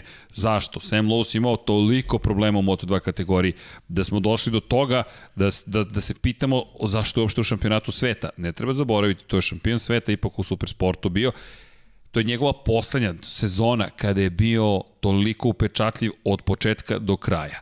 I to je bila sezona praktično dominacije. Kada se vratimo na nje, taj njegov period na Yamahi u supersportu, to su pobedi druge pozicije, ukoliko mi sećanje dobro služi jedno odustajanje tokom cele godine i kada je stigao Moto dvojke pričali smo ukoliko dođe do te vrste konstantnosti, Sam Lowe's biće šampion. Nikada to nismo videli do prošle godine.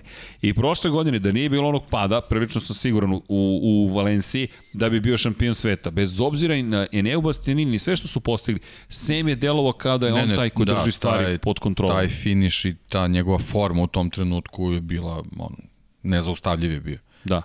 I to se sada nekako nastavilo. Dakle, mi sada imamo situaciju u kojoj Sam Lowe's od početka i u predsezoni deluje moćno. Baš moćno i te dve sekunde samo potvrda. Ne, I način na koji je iskomunicirao tu pobedu i u zatvornom parkišu i kako je proslavio na pobedničkom postolju, jedan siguran čovek u sebe i svoje sposobnosti. I... Bitno je da, da, da ta uloga favorita ne pri pritisak na njega, ali eto, koliko ga poznajemo, stvarno ne bi, ne bi da trebalo to da to tako utiče na njega. Da. Jednostavno, on će, on će voziti iz trke u trku onako kako treba da vozi, to je to. E I, sad. E sad, postavlja se pitanje konkurenata, naravno i njegove forme, ali Remy Gardner prošlu godinu je završio pobedom, Remy sada na poziciji 2 u jednom stabilnom timu u Red Bull KTM Aju, sa otvorenim putom za ulazak u Moto Grand, putem za ulazak prostite u Moto Grand Prix, pri čemu može u KTM-u najranije da se otvori pozicija. Da li za sledeću godinu, ne znam. Dosta su verni svojim vozačima, ali Iker Lekona jeste Upravo pod znakom pitanja. Da, kažem, da, da. Ne napreduje. Ne, neće, da, neće baš biti mnogo strpljenja za njega. Da. Jer da, Iker Lekona izbor Teh 3, RVA Ponšarala. Međutim, Ponšaral ukoliko ne može Iker da donese taj napredak i te rezultate koji se od njega očekuju, će takođe pokazati svoje drugo lice, jer RV je kada ste klinac i nemate iskustvo, dobit ćete podršku. Ali onoga momenta kada su očekivanja promenjene i kada vi treba da isporučite, ne isporučujete, RV nema problem da kaže vozačima. Da, i znaš kako, on je, on je vlasnik tima, menadžer, marketing je tu bitan, sponzori su bitni, a ime Gardner je veliko ime. ime. Veliko da. ime. I još da. jedan australijanac, što Tako verujem je. da će i tekako odgovarati Dorni da kaže, e, čekaj, imaš Gardnera, kao što si lepo rekao, prezime u Moto Grand Prix, još sa KTM-om, kome takođe treba jedna medijska zvezda. Uz svo dužno poštovanje prema Oliveiri, prema Binderu, Ne, Oliveira ima svoje tržište i on to tržište zadovoljava i to je I super. To je to. I to je super. Ali, ali šire od da toga. globalno širiš. Tako je. A Iker Lekona nekako nije harizmu pokazao ni, ni na koji način. Nije Nevezano samo pažu. za rezultate, upravo to, kao, kao da ga nema tamo. Da, I nema čak ni... Da Više da smo pričali o Savadoriju nego o njemu. Da. I Kirle Konak kao da je kao da, eto, moramo da ga spomenemo ispod dužnog poštovanja prema vozaču Moto Grand Prix klase, ali od prošle godine ja ga više ne spominjem, nažalost COVID-19 je ozbiljno uticao na njega, dosta vremena je prošlo od onda i, i povrede koje imao i sve što se događalo nekako sad dolaze do toga, pa čak i da su stavno te situacije, ukoliko ne možeš da računaš na vozača, do kog momenta možeš da mu pružaš podršku. A Danilo Petrović ima dvogodišnji ugovor, ne verujem da će posle jedne sezone KTM mu uskratiti prosto poverenje, to ne liči na KTM. Nema i razloga i zbog tek trojka on ipak iskusan vozač. I ova, ova situacija s ovim gumama je problem koji mora nekako da se reši, a za to ti trebaju iskusni vozači sa feedbackom i zato je veliki problem što je jako kratko bio na stazi. Njegovih desetak, 15 kruga u ovoj trci bi značilo mnogo značilo. Bi. Ovako jednostavno podataka nema i to, to je veliki problem. Ali za Gardnera pozicija postoji. I sada u dve trke imaš pobedu u drugo mesto, slično i sa Lowsom koji nastavlja gde je stao. I imamo Fabio Di Antonija za koga ne znamo da li će ovako nastaviti ili ovo pa, bio generalno on nastavlja gde je stao i on je imao da nije bilo nekih padova u finišu sezone i on bi bio ono, dosta, dosta dobar. Vice šampion, nemoj da, zavoriti da, za da, Jorge Martina. Tako je. Nekako da. dobro, simpatičan je, svakako da. je harizmatičan. Marko Beceki, prvi koji nije na pobedničkom postolju, ali... Ali u vrhu je. U vrhu i nije je, loše, bila da. je to bitka za plasman na treće mesto. Nije razočarao, ok, nije ispratio Sema Lousa, ali nekako za Beceki znamo da da, da, da imate padove. Sad, ovo nije prevelik pad, ovo i dalje može biti dovoljno za borbu za titulu šampiona sveta.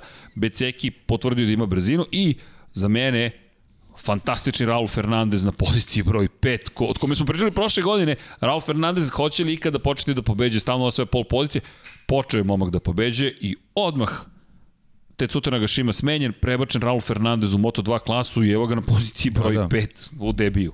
Da, Sjajno. imaš, imaš dobar motocikl i to koristiš. Dobru to, ekipu, to je, to, to je recept, to. to je to. To je to. Ali to je ono što, si, što smo pričali i doćemo do Moto trojki koliko su klinci moćni. Joe Roberts se spomenuo, Jake Dixon, sedmo mesto, takođe očekivano. Da. Vrlo lep plasan za Marcela Schrottera za Intact Grand Prix i pohvala za Boba Ben Snydera. Stegao je Stop and Go Racing, najzad u timu koji ima Kalex, najzad u ekipi koja je konačno prošle godine s Gardenom zabeležila pobedu. I ispred Jorge Navara, Bosko Skuro, nekadašnji da, speed up. Prvi nek Alex, da. Da, ne izgleda to tako dobro. Prošle godine ova ekipa e, je veliki je za ostatak. Ogromno. To je, to je To je u stvari Ogromno. problem. To sad pozicija ko pozicija da se to neko trka u 5 sekundi pa ajde, nego ovo je, ovo je za... Skoro 17 da, sekundi da. za ostatak. I velik za ostatak za vozačem ispred njega. To nije bilo duela. To je, ne, ne, ne, on je, je čovek baš... koji je 4 sekunde zaostajao. On se borio zapravo da. za tu poziciju. I još jedna stvar, ono što, smo, što sam malo prekrenuo da kažem, prošle godine on je bio predsezonski favorit, on je na speed upu dominirao pred sezonom. Sada toga nema, Bosko Skuro jedva među vodećih deset. I pohvale za Camerona Bobija i Celestina Vijetija. Jeste, oni tek Vrlo... trebaju da, da uznapreduju i, i, i da ih očekuju na nekim višim pozicijama, tako da je ovo je, bodovi su, to je skroz okej. Okay. Bobije 11. Da, da, da, da, super, da, da, 5 da. poena, Vijeti, debitanska trka za Skyver 46, kojih nema više u Moto trojkama, taj deo tima prešao u Moto dvojke, deo tima iz Moto dvojke otišao u Moto Grand Prix sa Lukom Marinijem. Aron Kane teška 13. pozicija. E, to je sad ozbiljan on, problem. On i sledeći to je onako Augusto baš Fernandez da, to je, koji je u pobedničkoj ekipi, ali na pogrešnoj strani. Njih dvojica su onako u, u problemu s tim što, što se tiče Kanea uh, kad pogledamo ovaj poziciju Alberta Renasa koji ajde kažemo Novajlija u, u, u šampionatu tu taj motocikl mora izgleda da se mnogo bolje pripremi razlika između njih dvojice možda je očekivana, ne možemo od Arenasa baš dočekao na prvoj trci da, da, da se snađe u, u, u novoj klasi, ali kad ne ova pozicija onako nije, nije baš Morala je mnogo bolje, mora, opet mora razlika bolje. je ogromna, da, preko da. 17 sekundi. Pa tu je ta neka grupa vozača u tih 17-18 sekundi za ostatka, koji sad ovih par dana... Pa jednoj sekundi njih da, 7 praktično. Moraju da vide u čemu je problem. I Tom Luti, poslednji poen, da. nekadašnji svetski šampion, stigao u Stop and Go Racing, nedovoljno dobro. Bukvalno nedovoljno, nedovoljno da, dobro. To je, njih trojica su onako baš prilično podbacili. Da, Toni Arbolino, da, da, ukratko kažem. A i Ogura, da. sve to, ok, da, klinci da. su uče. A i Ogura, pošto znamo i njegov stil vožnje, on je generalno onako povučen vozač. Sporije, napreduje. Treba to da, da se, da se Druga napreduje. sezona meni za njega kritična, rekao bih, u Moto dvojkama. Ne, druga polovina ove prve godine, na primjer. Pa druga, to, to sam ali, druga polovina, mislim da tu već možemo da, da očekujemo nešto da ga vidimo u kadrovima. Pa da, da, da, da ne bude bi samo bilo, najavi. Da, da, da, to bi bilo lepo, da, ali o, o, znamo, znamo jednostavno da, da to, to je njegov stil, kod njega nema agresivnosti ni u jednom trenutku, tako da ovaj, nadam se da, da, da, da sad ne znam, možda da li možemo se do, zadovoljimo po nekom trkom, ajde da kažemo da, ali mislim da će to doći u, u drugom delu sezone. I puno probleme za Lorenza Dalla Porto. Lorenzo Dalla Porto, da. druga sezona takmičenja u, u svetskom prvenstvu u Moto2 da, dobio, kategoriji. dobio timsko kolo. Ital Mislim, Trans. I prošle godine nisi ovaj baš... sveta mu je bio kolega. Da, bio si onako... Okay, ne, ne u senci, si. nego njegov reflektor je bio ugašen. Da. Potpuno. I sad ti I, dolazi Joe Roberts. U koga svi gledamo. Da koji je inače ekstrovertan. I, i koji opravda. Kako nije opravdao šesta pozicija Kažem, na ja početku. Sam, ja sam u najavi trke nekako potajno se nadao da će možda biti i kadar za, za neki podijum, ali meni je ovako, i ovo je, ovo je sasvim, sasvim okej. Okay. Da, Stefano Manci, razočaravajuće za ekipu Ponsa, Garzo nije ni stigao, Hector Garzo nije ni stigao do cilja, takođe za Ponsa Cijari Montela za fabrički speed up, 20. mesto, da. to je proces učenja. Albert Arenas... Pa, isto možemo da kažemo proces, ne možemo da kažemo učenja, ali možemo da kažemo proces. Proces, znači, ali verovatno pola potrebno, minuta za. Da, da. Ima tu posla, baš ima, ima posla. posla. Ima posla, Nikolo da. Bulega da. na drugom da. Gresiniju, ali Bulegas je Bulegas je generalno, stalno ima neki problem, stalno jest, se nešto jeste, pojavlja. Jeste, tu imamo moment, ajde sad ne moramo to stalno da opravdamo, jednostavno taj odlazak Gresinija, sad je tu mnogo mnogo ovaj garaža koji trebaju da se brine, pokriju jasno. i to je sad jako jako teško. On je bio čovjek koji je to sve držao pod konac, tako da kažem nije opravdanje, ali jednostavno ne možemo na njih tako da gledamo od prve trke ovaj sa, sa, sa, sa mnogo kritike. A i puno problema na, od, od, od Maka od kojih smo ipak nešto očekivali. Somkijat Čantra, Garzo, Čavi Vjerhe. Dobro, ajde da kažemo, Šarin. ovo su neke situacije, trke su, dešavaju Jesu. se, ali nemojte baš mnogo da nam Lorenzo, se dešava. Baldassari, Marko da, Ramirez. Nekako se stalno ta imena tu pojavljuju u tom not classified delu. Pa da, i, i, i Markus koji nije ni započeo trku, on da. ima ružnu povredu još u subotu, da. ali Baldassari, pa kažemo, da. stigu MV Augusto, možda je sad to taj moment, nema. Hafiz Šarin dobio novu priliku na NTS-u, nema ga. Garzo, potrebno je dobro... Ramirez je taj primer, znaš, lekari ti kažu, vozi, ti kažeš, pa možda nisam spreman, možda, to sad, možda su to sad neki novi vetrovi koji će da duvaju malo, da vozači malo preznije ovaj, prilaze tome da, da voze trku tako preko noći. Tako da to je možda pozitivna stvar. Sedneš, kažeš ipak ja ne bih, to je to je okej. Okay. Dobro, Ramirez je izašao na stazu, da. pogledao, vratio se vratio i rekao, se, rekao ljudi, vama, vama je to možda okej, okay, meni nije, sve u redu. Tako da pozitivno pozitivno. Pozitivna ne, ne treba, ne treba ovaj, glumiti heroje u nekim situacijama. Da, to, smo, to, to je ono što smo pričali, Tako da li će je. se stvari promeniti sada. Pa i... ja se nadam da je ovo možda neka najava te promene. Da, deluju kao da... Ako već moramo spominjemo neko ko, ko se nalazi u ovom donjem delu, eto da, da, da spomenemo i to. Da. da, da. Iz perspektive šampionata sveta, mislim da ćemo ipak imati uzbudivu bitku, bez obzira na na činjenicu da je... Ima dosta trka. Ima, ima, ima, ima dosta, dosta trka. trka. Ima, i ne znam, ja se sa, zaista nadam da, znaš šta, intrigantno mi je zapravo u Moto dvojkama šta će se desiti u drugoj trci. Još intrigantnije mi je nego u Moto Grand Prix. Bez obzira što su manje šanse da se nešto suštinski promeni, deluje mi da bismo mogli da do, da bismo, izvinjam se, šutno sam nešto ispod stola, da bismo mogli da dobijemo, nadam se da niste čuli, Vanja, ako je ušlo u kadar, to je sam ja zakačio sto. Dakle, da, da zapravo treba da kažem da, bi, da ćemo možda dobiti veće iznenađenje nego što, što slutimo u celoj priči. Makar je to neki moj utisak za Moto dvojku. Ne, možda samo ovako na pamet pričam. No, Moto trojke, da spomenemo mi Moto trojke, tamo je, tamo je bilo uzbudljivo do par krugova pre kraja, a onda je Jaume Masija ipak izveo nešto što Nije da nismo možda očekivali od Masije u ovoj prvoj trci, ali teško je prognozirati Moto trojke.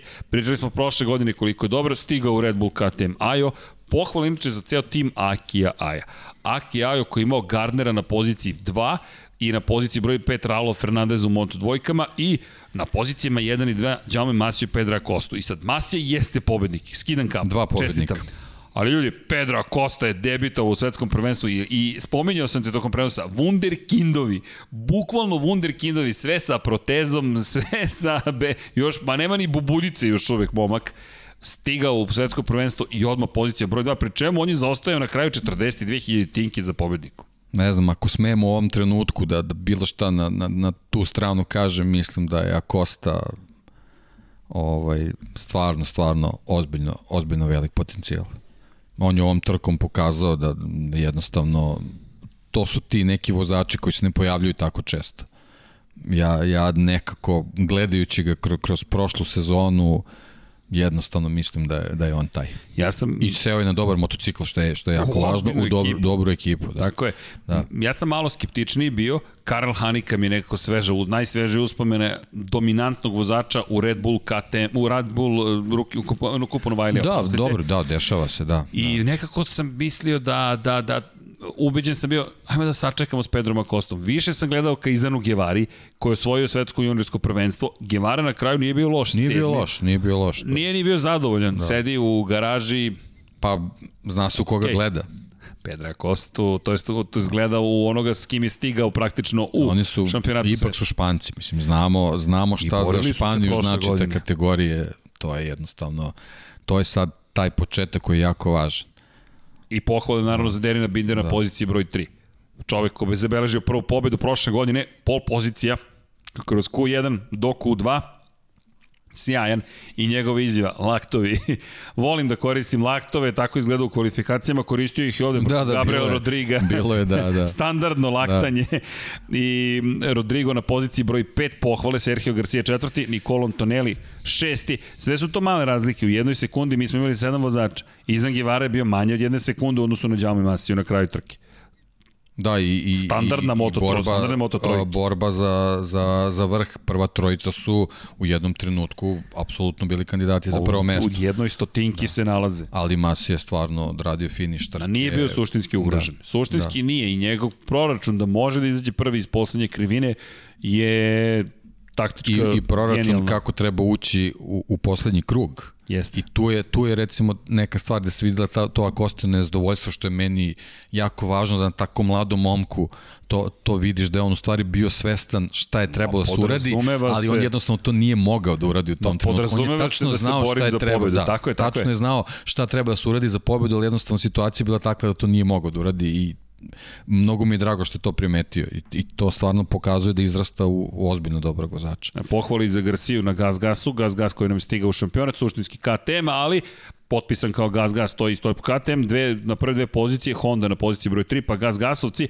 Rodrigo Antonelli, veteran. Eto mogu tu da kažem veteran, pravi veteran, na poziciji broj 6, pa Izan Givara, Tatsuki Suzuki pohvale Izan Guevara na šampionskom motociklu. Da, da, bukvalno, da, sa Martinom je to bio šampionski motocikl pre samo tri godine. Da. Proš, prošle godine smo, ajde, da, pro, prošle godine, dobro, prošla godina nekako meni 2020 zaista specifična kada pogledaš Asparovce, Da, mora to ipak da se tako posmatra. Jeste, upravo si, nema. On je čovjek koji je nasledio šampion, prosto, on je taj koji je seo na šampionski motocikl. To je to. To je to. To je jeste, to i, jeste. i vidi se da je on svestan toga. Kažem, a Kosta mi je nekako malo gore, ali obojicu u paketu dobili smo dva da. klinca, stvarno, stvarno sjajno. Da. A ja sam Rodriga prebacio, izvini, u celom filmu, umesto da pre Mart, Martin je na Gresiniju zapravo slavio.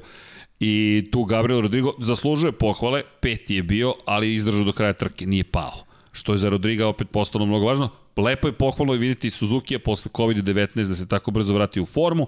Kaito Toba, lepo, Kaito Toba najzad dobre u kvalifikacijama, pogledaš tu bitku za najbolje vreme, bio je konstantno među vodećima. Da, bio je tu i u vrhu, ali Nedostaje. nedostaje. Vidi se da nedostaje, da, ali opet da, bolji da. nekako nego što, makar za mene, Ali to je opet ne, nešto što te japanske vozače prati moraju moraju nekako da mislim eto sad, sad da ih ne spomenjamo baš toliko mladi su, ali eto, trebaju na, na kostu da se ugledaju kako, stvari. kako to treba da se uradi. Ali kako moraš ponavljaju. da se nametneš. Pa, to je ono što je Paolo Simoncelli rekao Tocuki Suzuki-u manje razmišljaj u poslednjim krugovima.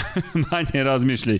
Inače, razmišljaj po... dok pripremaš finiš. Kad, to. kad pripremiš finiš, to, to što si naumio, to uradi, nemoj da, da, nemoj da tad e, preispituješ svoje odluke. Do tad uradi ono što si naumio. Egzekucija. Tako. Dve i po sekunde je razdvajalo vodećih 14 vozača, zaključio se Rusejim i Manako. To je to. Bukvalno to je to. moto trojke na najlepšem izdanju i Maksimilijan Kefler koji zaslužuje pohvale s obzirom čini da svoj jedan poen, ali bih pohvalio u celoj priči Jasona Dupaskeja za Prustil Grand Prix, momak koji je trebalo bude na Prustil Grand Prix-u, se zove i preziva Pedro Acosta. I kada je Raul Fernandez dobio napređenje u Moto dvojke, Pedro Acosta stigao umesto Raula Fernandeza, Prustil Grand Prix se našao u čudnoj situaciji, Rusije i Yamanaka i zapravo Dupaske na kraju predstavlja Prustil Grand Prix i prijatno izrađenje zaista i kvalifikacije i vožnja pohvale za Švajcarca, držimo palčeve da može ovako da nastavi Dupaske, za mene najlepše iznenađenje i pohvale za Maksimilijana Keflera koji je bio večiti poslednji. Ljudi, Maksimilijan Kefler je stalno bio na poslednjem mestu u, prethodnim u prethodnoj godini i kada bismo spominjali Keflera, rečenica je uvek glasila isto. Jedini Austrijanac u svetskom šampionatu u motociklizmu.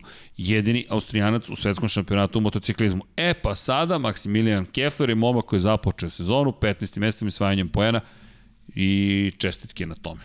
Zaista prave čestitke na tome, to treba učiniti. I sada dolazimo do čega? Do najave sledeće trke. Kao prošle godine, deki, nema pauze, Sve ovo lepo. Dobro, ovde samo trebamo već je gotovo. Već da da kad smo kad smo, kad smo sve kod trojkama da da ispošto, da ispoštujemo, da dve stvari. Ne možemo da ispoštujemo Denisa nego... Fođu, Xavi da. Artigasa i situaciju koja se desila. John McPhee. Opet eliminisan e, tuđom opet, greškom. Tako je. Tako, to je ono što sam pričao, ja, ja ga i dalje svrstavam u grupu favorita za, za šampionsku titulu, s tim što je kod mene na prvo mesto. Ali ako se redovno ovakve situacije dešavaju, to je, to je jednostavno ono što si ti rekao, odličan je termin, nestaješ sa radara. Nemate? Nemate. Ja, I niko te više ne vidi. Malo sam pomnije njega pratio, znači svaki dueli on se nalazi sa spoljne strane. Stalno si u, u nekom dnu karavana, Uh, ne voziš agresivno, verovatno čuvaš pneumatike za neki finiš ili nešto, ali uh, na taj način si u, ozbiljnoj opasnosti da, da ćeš ovako da završiš trku. Da, bez tako da, na samom početku sezone. Tako je. Na Artigas koji je pokupio i Mekfija i Minja i Elkobu, eliminisao vrlo ozbiljne vozače. To se dešava, ali jednostavno vozači koji, koji se nalaze u nekoj konkurenciji za titulu moraju da, da odu iznad. Znamo, znamo šta se prošle godine dešavalo sa Arenasom. Znači jednostavno o, o, kakva god da, da je, kako god teče trka u svim tim fazama jako je opasno se ispod desetog mesta, a to se McPhee konstantno dešava. Sećamo se prošle godine kakve skokove pravio sa nižih pozicija pa je završavao i na podijumu uh, i bio u situaciji da po, pobeđuje, ali to je bukvalno klackalica, znači u trenutku možeš da, da, da sebe lansiraš u, u sam vrh, da se boriš za pobedu, ali u istom trenutku možda se nađeš kraj staze i on, on je uporno u takvim pozicijama. I Denis Fođa, ne zaboravimo, koji je eliminisan na samom početku, da, slaba je uteha što su kažnjavani ljudi, ali jednostavno kontakt, to, je, to se dešava, deo trkanja. Da, i, i očigledan, očigledan da, da, kontakt. I, i eliminisan to bukvalno Ja sam pred, pred start trke ovaj, uh, pričao Petronasima i Leopardovcima kao ozbiljnim kandidatima za visok plasma, međutim oni su gotovo svi samo je Binder kiksnuli. tu da, pokazao baš da. i on pokazuje da, da eto, taj, taj potencijal stoji. Kakva ali, ironija, čovek koji je bio najopasniji, da. zna si sada postaje da. pouzdan. Zato što, zato što, što si ti rekao, koristi, on, on zna štit da napravi. Ovi očigledno Njega moraju da nauči plaše. kako se radi. Ozbiljno, na tome mora da poradi John Murphy. Ozbiljno. Ako, ako misli da bilo šta uradi. Ako ako želi da ostane u svetskom šampionatu. Na ovakav način, teško.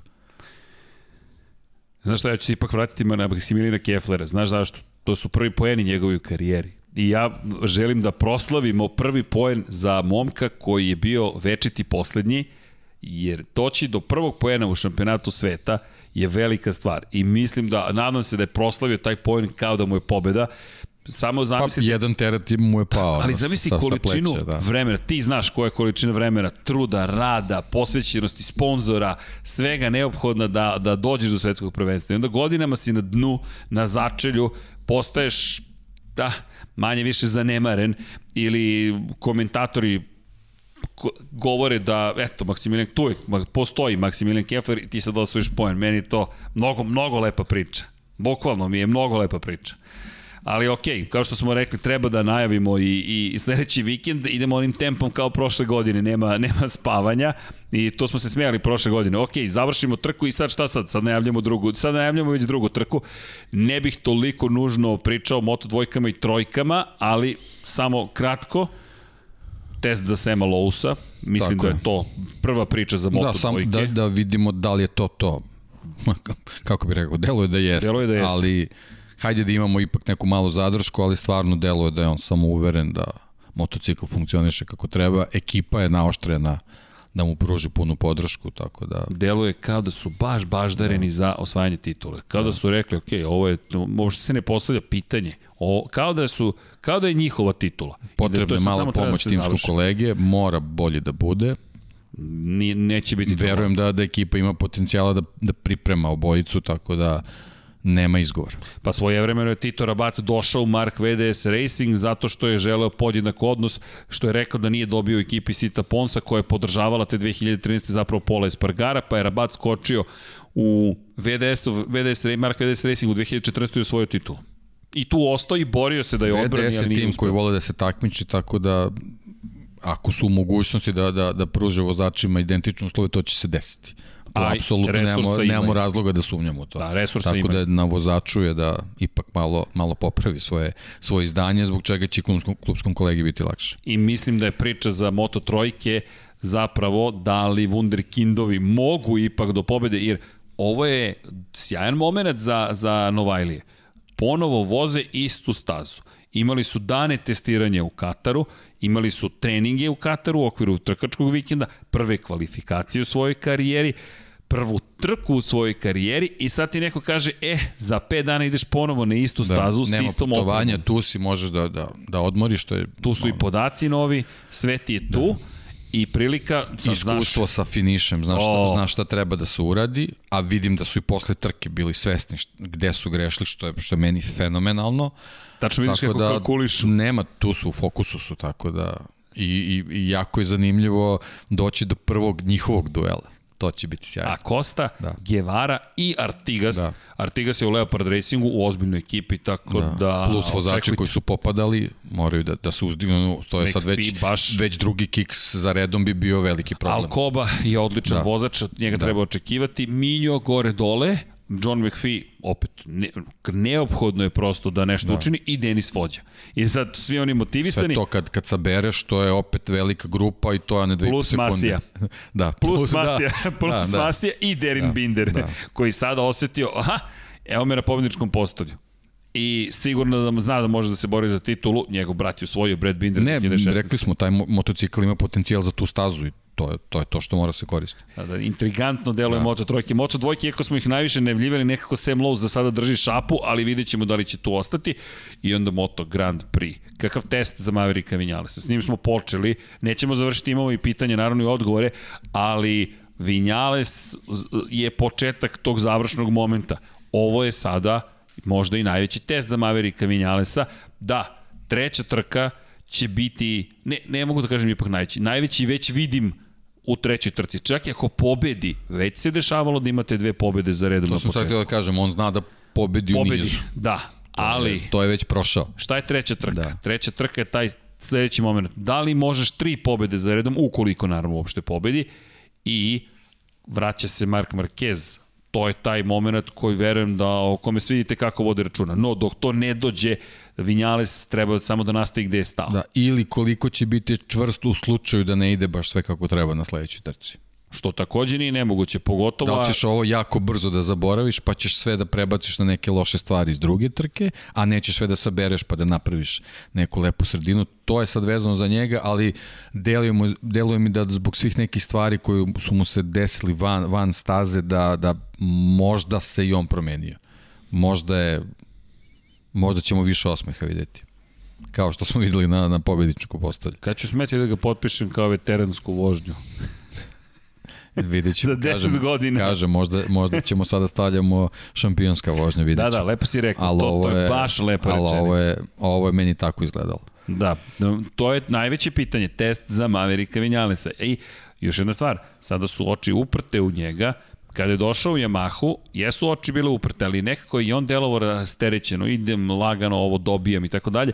Njegov pad je počeo zapravo padom u Ostinu, kada je jurio za Rosijem, kada je Rossi pokušao da se nametne i uspeo u tome, tokom te trke, s obzirom na činjenicu da je bukvalno naterao Vinjalesa da ga prati i mislim da već počeo da mu ulazi polako u glavu, što je inače voleo da radi, ali sada opet taj Vinjales koji je na sedištu koje je pripadalo Rosiju, bukvalno fizički se prebacio, uz pobedu nad Kvartararom, koji opet mora da uzvrti udarac. Odmah se postavlja kontra pitanja, Fabio Kvartararo, ima li vremena za gubljenje, počinje da mu teče, počne da teče dvogodišnji ugovor sa Yamahom, Yamaha koja želi šampiona i nije ga imala još od 2015. godine i Jorge Lorenza i onog velikog duela s Valentinom Rosijem. To je sada već pola decenije bez titule, pripale su titule Hondi, pripala je jedna titula Suzukiju, gde je Yamaha koja stalno počinje sezone pobedama, ali nikako da osvoji tu titulu. Da. To je Fabio Quartararo na velikom testu. E sad, problem je što je ponovo ista staza, gde ako budu i ole slični uslovi kao što su ovde bili, jednostavno se vidi da agresivna vožnja sa ovim gumama tamo ne prolazi. A koliko Fabio Quartararo može da se prilagodi situaciji da vozi generalno trku na način kako su vozili vozači koji su našli na podijumu, to ćemo vidimo, ali nije to samo pitanje za njega, to je pitanje za tu veliku grupu koja je ostala bez, bez potencijala motocikla zbog, zbog pneumatika, tako da mislim da će sledeća trka biti ozbiljna igra živaca i neki mind games koji će Između njih bukvalno od trenutka kad su, ne, između njih generalno između, Između svih, svih vozača koji tu imaš i tog Jacka Millera, imaš To je sada pitanje, sledeća imaš stanica i. Pola Espargara i Ducati. mnogo vozača koji su koji znaju da imaju potencijal, ali jednostavno ne znaju šta se desilo da to nisu mogli da, da, da prenesu na način kako su vozači koji su se našli na podijumu to uradili. To je sad, sad ozbiljna igra pripreme, a znaš da te ne očekuju baš identični uslovi kao što su bili na toj Čekaj, nismo ni spomenuli taj duel između Banja i Millera za poziciju broj 1 u Ducatiju. Budimo realni, tu se Tako je. vodi bitka za vodećeg vozača ekipe, gde Banja je pokazao strpljenje, Miller je privlačio mnogo Pa, Tako, pažnje. znaš kako, ti sad imaš situaciju uh, gde, gde Banjaja sa ovim rezultatom njegov rezultat e, izgovara rečenicu ja sam tačno znao ka, šta trebam da uradim na ovoj stazi, a onda imaš Jacka Millera gde njegov rezultat kaže ja nisam imao pojma šta se desilo na kraju, zašto ja to nisam mogao da, da prenesem u rezultat. Čekaj, kako nisi imao pojma, razumeš, znači testirao si tu, bio si najbolji, a, vozili smo kvalifikacije kakve smo vozili i onda dođe trka i ti posle par krugova ne znaš šta se dešava a sa druge strane imaš imaš timskog kolegu koji je vrlo dobro ovaj sagledao čitavu situaciju i iskoristio na najbolji način. Savršeno zapravo. Nije pobedio, to bi bilo savršeno, ali Da, kažemo, okej. ušao su istoriju sa, sa, sa nekim fantastičnim krugom, uh, osvojio si pol poziciju, sve vreme si bio u konkurenciji i za pobedu na kraju krava i na kraju si završio na podijumu.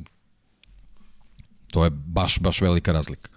A ti si deveti i rekao si da kako Ducati, tako i ti očekujete ipak Da, više. I to što si počeo da pričaš, si sve vreme si u nekom centru pažnje, a tvoj timski U ozbiljnom kolega centru je... pažnje. Banjaj nije bio u centru Da. da. pažnje, naprotiv. Banjaj smo mnogo manje posvetili pažnje, ali Banjaj kao da je prijela ta uloga, kao da je rekao nema Očigledno, problema, očigledno. ja se spremam i vidjet ćemo. Ali problem je opet isti. Viđali smo već izdanja dobra Banjaje i onda sledeća trka bio, je, je bio problem. To, ali, to, ali to se dešavalo svima. Vinjale su Banjaji, Kvartararu, jedini ko, opet vratit ću se ono što sam rekao prošle nedelje, jedini ko to, koji nije to pokazivao je John Mir i Mark Marquez, koga nema na stazi. Mir, da, četvrti, opet kvalifikacije, kvalifikacije, kvalifikacije. Ukoliko tu mogu da nešto učine, mnogo manje posla ima Suzuki. izvini, Morbidelli kad je sa motociklom sve u redu. Tako je. Ali, ali, ali, ali A, mi, a, Morbidelli je jako malo loših izdanja imao da je do njega bilo. Uglavnom su bili problemi sa, sa tehnikom. koji su se nastavili. Da. Nije baš da je situacija bolja. Tako da i to moramo da očekujemo. Da li će Yamaha da odreaguje, da, da mu pripremi taj motocikl kako treba, da se pronađe uzlog problema, da ima dva motocikla koje, koje mogu. Znači, imaš dva motocikla iz iz neke 2019. neka A specifikacije, da li možeš da spakuješ da dva motocikla funkcionišu kako treba? Tako to da, tužno zvuči kad tako postojiš, da. znaš, da mi moramo da razmišljamo da li Yamaha može da pripremi dva motocikla kako treba. To je Petronas. Videli smo da može. I, i naravno odmah, izvini, pitanje i za Rosija. Ovo je ogroman, ogroman test za Rosija, reci, koji je rekao pre početka sezone želi još dve godine. Ok, razumemo da želi još dve godine, ali Evo, danas je 25-godišnji četvrt veka od njegove prve trke. Fascinantno da, a malo pre smo pričali o deci koji imaju 16 godina. Da. Znači, on je već u tom trenutku imao karijeru skoro 10 godina. Čujemo titula i titula. Veteranske, veteranske vožnje već je imao. ok, deki. Ok, point taken. Dakle, um, je li ovo fatality sada?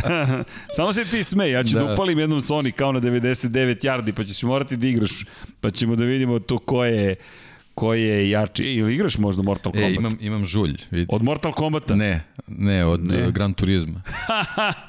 od Gran Turizma? Pogledaj. Voziš Dalje na... Mogu... Da, da, da. Na, pa...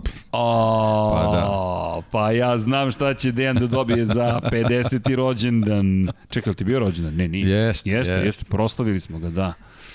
Ne, ne, bio super poklon, tako da, da. okej. Okay. Ne, poklon, evo gledam da. osobu koja je nabavljala poklon.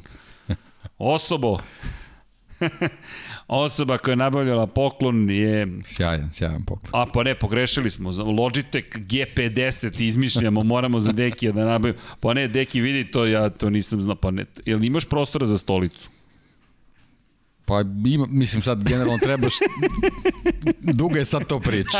Zašto je ovo na džojstiku, zašto teme. nije na volanu, stolici? Da, Znamo ko je da. mi otišao volan. da, da, teške teme. Da. ok, da. pa vidi, ovde imaš ono, man cave, razumeš, da. ovde možeš Znaš, da... Po... Uh, uh, a kako bi sad rekao, naša soba je jako slična ovom tvom prostoru ovde, znaš tako, ali to moraš uživo da vidiš pa ćeš ljudima onda da preneseš Čekaj, čemu se radi. Smo, ok, da. da. li hoćeš da voziš Formulu 1? Šta voziš? Gran Turismo? Jel imaš, Gran Turismo, ali, da, da, da. Imaš, imaš Mercedes u bolidu Gran Turismo. Pa da, da. I da. voziš Formulu? Da, uveliko sečem krivine. Evo, u, neumoljiv je Dejan. Dejan je da, da. striktan pa tako mi, tako mi je to ličilo. Znaš, kad sam gledao onaj, onaj snimak gde ponavljaju 29 puta, ja to jako slično radim. Ja, dobro, ali nije bio da. jedini. Da. Čekaj, Nema, sve je okej. Okay. Svi su sve, sekli. Sve kažem, samo u nekim okay. trenucima je na jedan način, u drugim trenucima je drugi. To mi se ne sviđa. Ne, ne, to, to smo i pričali to prošle godine u zelenim zonama u Moto Grand Prix. Tokom, tokom trke jedan način, a kad uđete u poslednju krivinu je drugi. Poslednji ne, krug, da, da, da. to zašto, je to. zašto je tu prednost, a Čekaj, ranije Martinu nije? Martinu su oduzeli za onu tačkicu, su oduzeli celu pobedu čoveku protiv Beceke, ono i dalje tragedija, ali okej. Okay. Tako da o tome pričamo. Pa i Kvartararu su oduzeli pobedničko tako postolje. Je, tako je. Između ostalog i bilo je, svašta se događalo, ali čekaj, čekaj, da se mi vratimo. Da li si ti spreman da, da voziš i Formulu 1? Ok, znamo odgovor, dobro. Znamo ko će da radi pripremu Lab 76 za Formulu 1 i, i, i čeo, ćeš da napravimo to takmičenje? Klubski kolegi, čekaj, imaš crvenu majicu, imam žutu majicu. da vozimo onda da vidimo ko će bolje da se kvalifikuje i do kraja godine pratimo. Pratimo. Može? Može. Sve A, može. još ako Paju nateramo da uđe da. u sedište, on će biti vozač simulatora, bukvalno. Dobro. Ne, moramo to i za Moto Grand Prix. Evo, bukvalno gledam sad dok, dok, dok smo ovo pričali, promenila se prognoza za Dohu. Dobro. Za Katar. Nedelja. Temperatura je najviše dnevna 28 stepeni, oblačno, brzina vetra 40 km na čas. Sitnica. Sitni, ali to ponovo ide da. protiv Ducatija. Da. A ovo im je bila prilika da iskoriste. Yes. To je ne samo ono što opet vraća se na banjaju, za sve. No, da, da... Petak oko 36 maksimalna temperatura, brzina vetra oko 30 km na sat, subota oblačno 33, nedelja oblačno 28. Znači ponovo pada temperatura i pojačava se vetar. A, Tako da to, ovo je za mene, ovo je za mene da kažemo slični uslovi. Znači da, ne, ne možemo više pričamo o različitim gume, uslovima. Gume će biti kao da. kamen, čak i te meke gume. Da. To je ozbiljan problem. Znači KTM je u ozbiljnom problemu ako ako ne reši Ako ne reši, to ne znam kako može se, tako brzo da reši. dešava, da. Da, jako da. je malo vremena. da se vratimo mi na, na, na, na Joana Mira, pa i na Aleksa Rinsa. Rins opet isto kvalifikacije, moraju bolje, ali Rins bojim se da počinje da ulazi u, u, u problem. Mislim da ne uspeva da reši duel. Ako pogledaš, kada je izletao Rins sa staze? Uglavnom u duelima. Kada je došlo do duela na Red Bull ringu... Ali to uh, duel koji mora da reši da bi napredovao. Trajno da reši. Da, da, ono, sad ili nikad. Rešio sam i idemo tako dalje. Je, tako je. Red tako Bull je. ring pada. Realno. To je, to je njegov pad.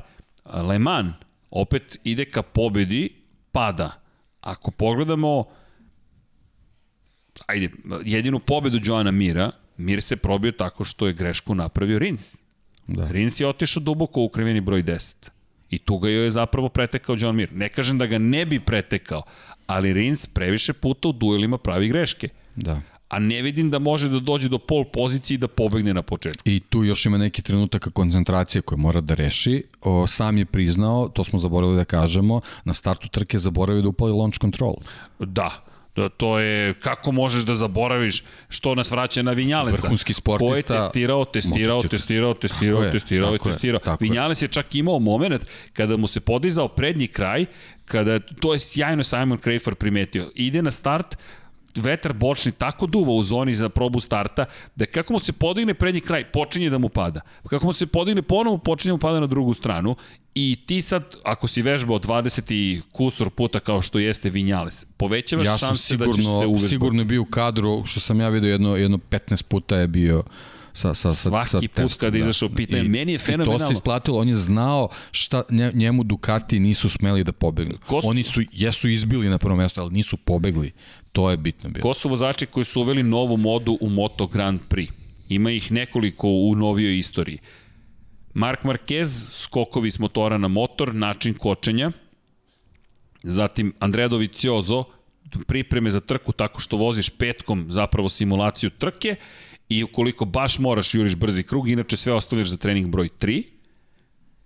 Casey Stoner koji je uveo pre čak Jorge Lorenza vožnju na hronometar, gde je grafikom bi izgledao ovako, tak, tak, tak, tak, tak, tak, tak, tak, tak, sve isto, svi krugovi isti, tek na kraju malo uspori. To je isto Jorge Lorenzo, to je ta moda koju su praktično uveli. I Valentino Rossi koji je uveo brojne mode, između ostalog i to da ti zapravo sa sobom vodiš svog glavnog inženjera, da se nemaju, to je sad kod Ducatija pravilo. Onoga momenta kad uđeš u Ducati, bilo Avintiju, bilo Pramak, bilo fabrički tim, tebi taj inženjer ostaje trajno. Nije kao kod Honda, ako ideš u Lučići Kinel Racing, dobiješ čoveka koji je u LCR-u i zadržava se onaj koji je u Repsol. Ne, kod Ducatija dobio si Paolo Čaba, ne Paolo Čaba, oprostite, a, dobro, odoh ja da nisi dobio baš šefa ekipe, ali okej. Okay. Ali dobio si, koga god da dobiješ, on ostaje sa tobom trajno. On bukvalno ostaje sa tobom trajno i samo te prati gde god da si krenuo. To je, na primjer, Rossi je uveo između ostalog kao bukvalno modu u, u Moto Grand Prix, zadržavanje broja i tako dalje.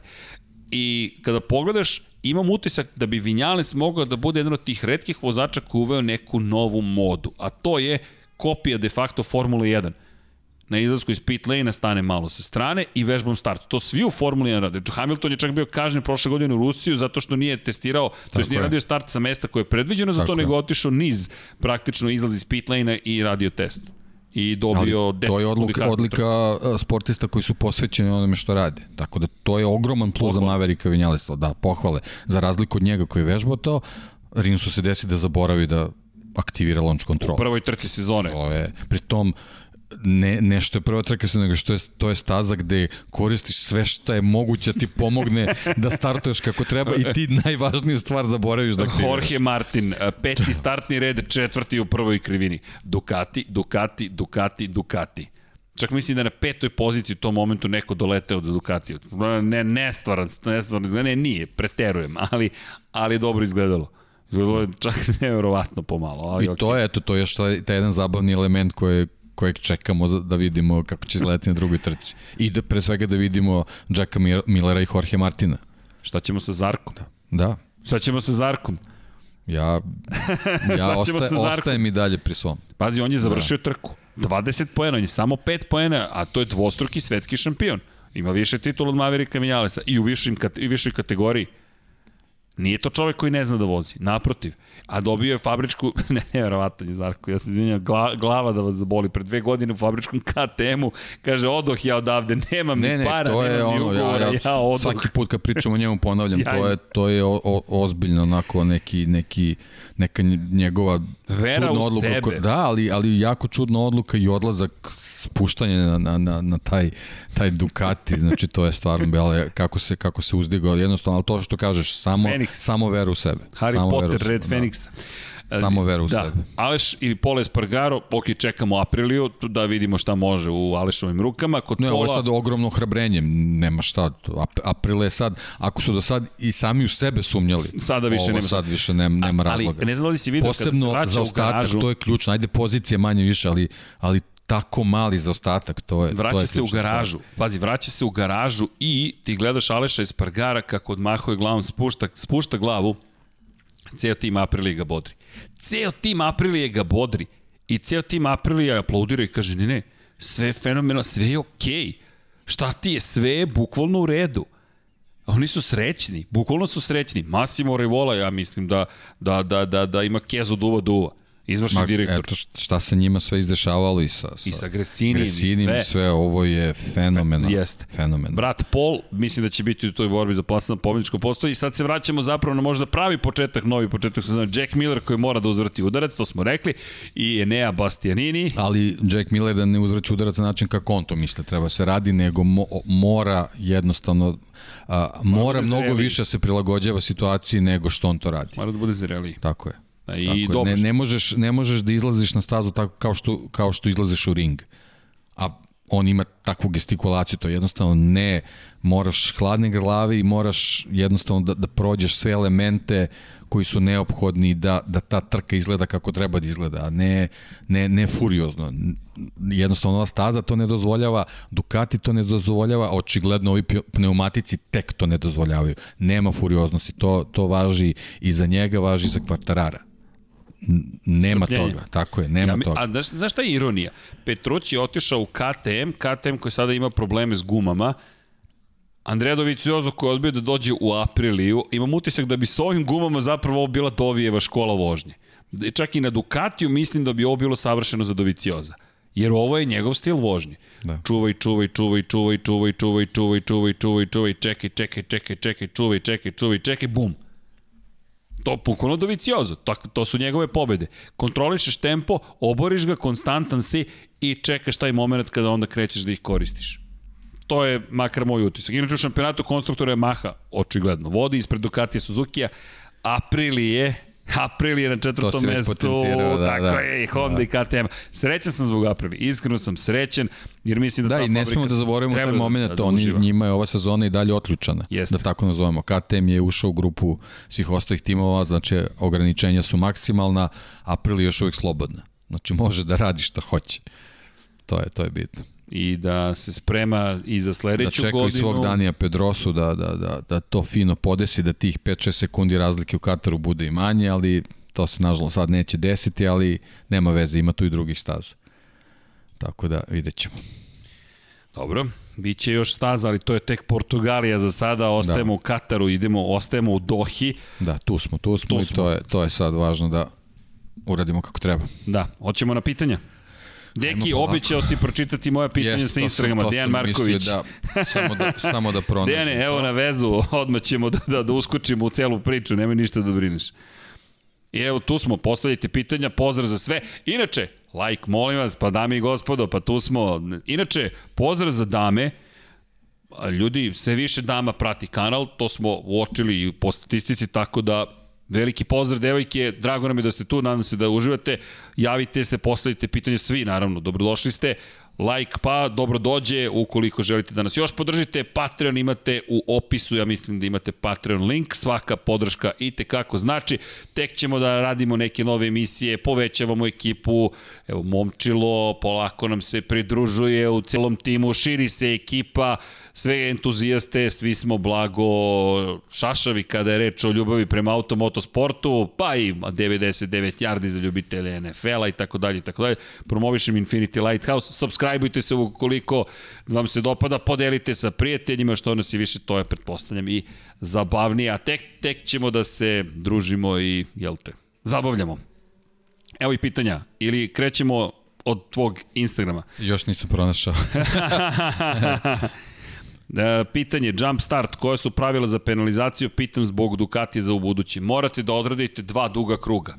Ranije biste morali da prođete kroz pit lane i izgubili biste skoro 20 sekundi, sada imate dva duga kruga. To ste mogli da vidite u Moto3 trci, Romano Fenati je imao prestup i morao je da vozi dva duga kruga. Tako da kada god naprave tu vrstu greške, jedan dugi krug, u narednom opet jedan, još jedan dugi krug. Imaju tri kruga da to odrade. Kada ćete imati intervju sa Lukom Marinijem?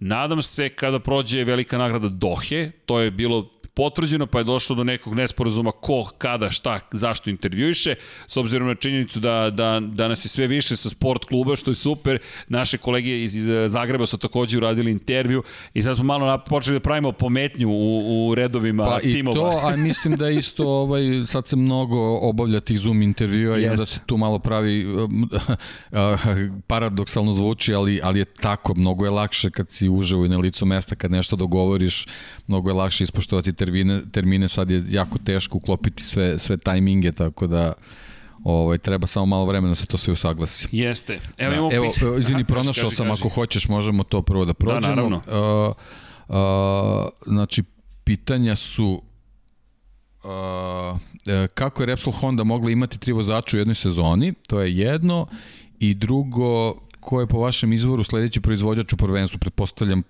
naj, najuspešniji proizvođač u prvenstvu. Mi, verovatno se misli na šampionat. Ili možda koji će sledeći da uđe u šampionat. Može i to da bude. Nema veze, odgovorit ćemo i na jedno i drugo. Da, da. imamo, da. mada i prvo pitanje je dvo, dvo, dvojako, dvo, da. dvoznačno. Ako pitate na to kako je Repsol Honda nekada davno mogla da ima tri vozača, Odgovor je u to vreme niste imali ograničenje na broj vozača u jednoj ekipi, to je tek kasnije došlo da se ograničavaju timovi i u Moto3 i u Moto2 i u Moto Grand Prix na po dva vozača po timu.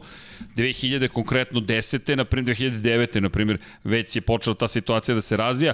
Dovi, Andrea Doviciozo je dobio ugovor, bio je sa Danijem Pedrosom, hteli su da dovedu Casey Stonera što su učinili 2011. Međutim, Doviciozo su rekli ti ćeš napraviti promesta za Casey Stonera, Doviciozo je došao sa svojim svojim advokatom i rekao ne, neću napraviti mesto za Casey Stonera, ovo je ugovor koji ste vi potpisali, kazna za raskid ugovora je tolika, Vi možete samo da dovedete Casey Stoner da bude treći vozač ekipe, što je Honda na kraju morala da učini.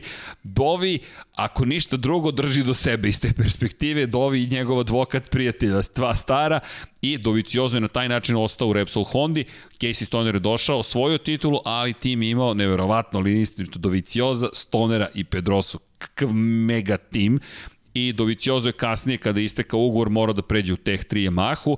S druge strane Casey Stoner se penzionisao na početku na kraju 2012. To je početkom 2012. u Francuskoj već saopštio da se penzioniše. Došao je Mark Marquez na mesto koje je pripadalo Casey Stoneru i ostalo je što kažu istorija. Kako mogu ove godine da imaju tri vozača? Mark Marquez je formalno prijavljen za trku bio, ali pošto ne može da vozi, njegovo mesto zauzeo Štefan Bradl koji je rezervni vozač. Da, to je malo rastezanje. rastezanje ali formalno su prijavljeni na dva vozača. Tako, ali su prijavili Marka Markeza da. i prijavili su Pola Espargara. Međutim, pošto ne vozi Mark Marquez, onda Bradl može da vozi i kao probni vozač više dana testiranja, a da nastupa u trkama. Malo su iskoristili prosto kako je napisan pravilnik.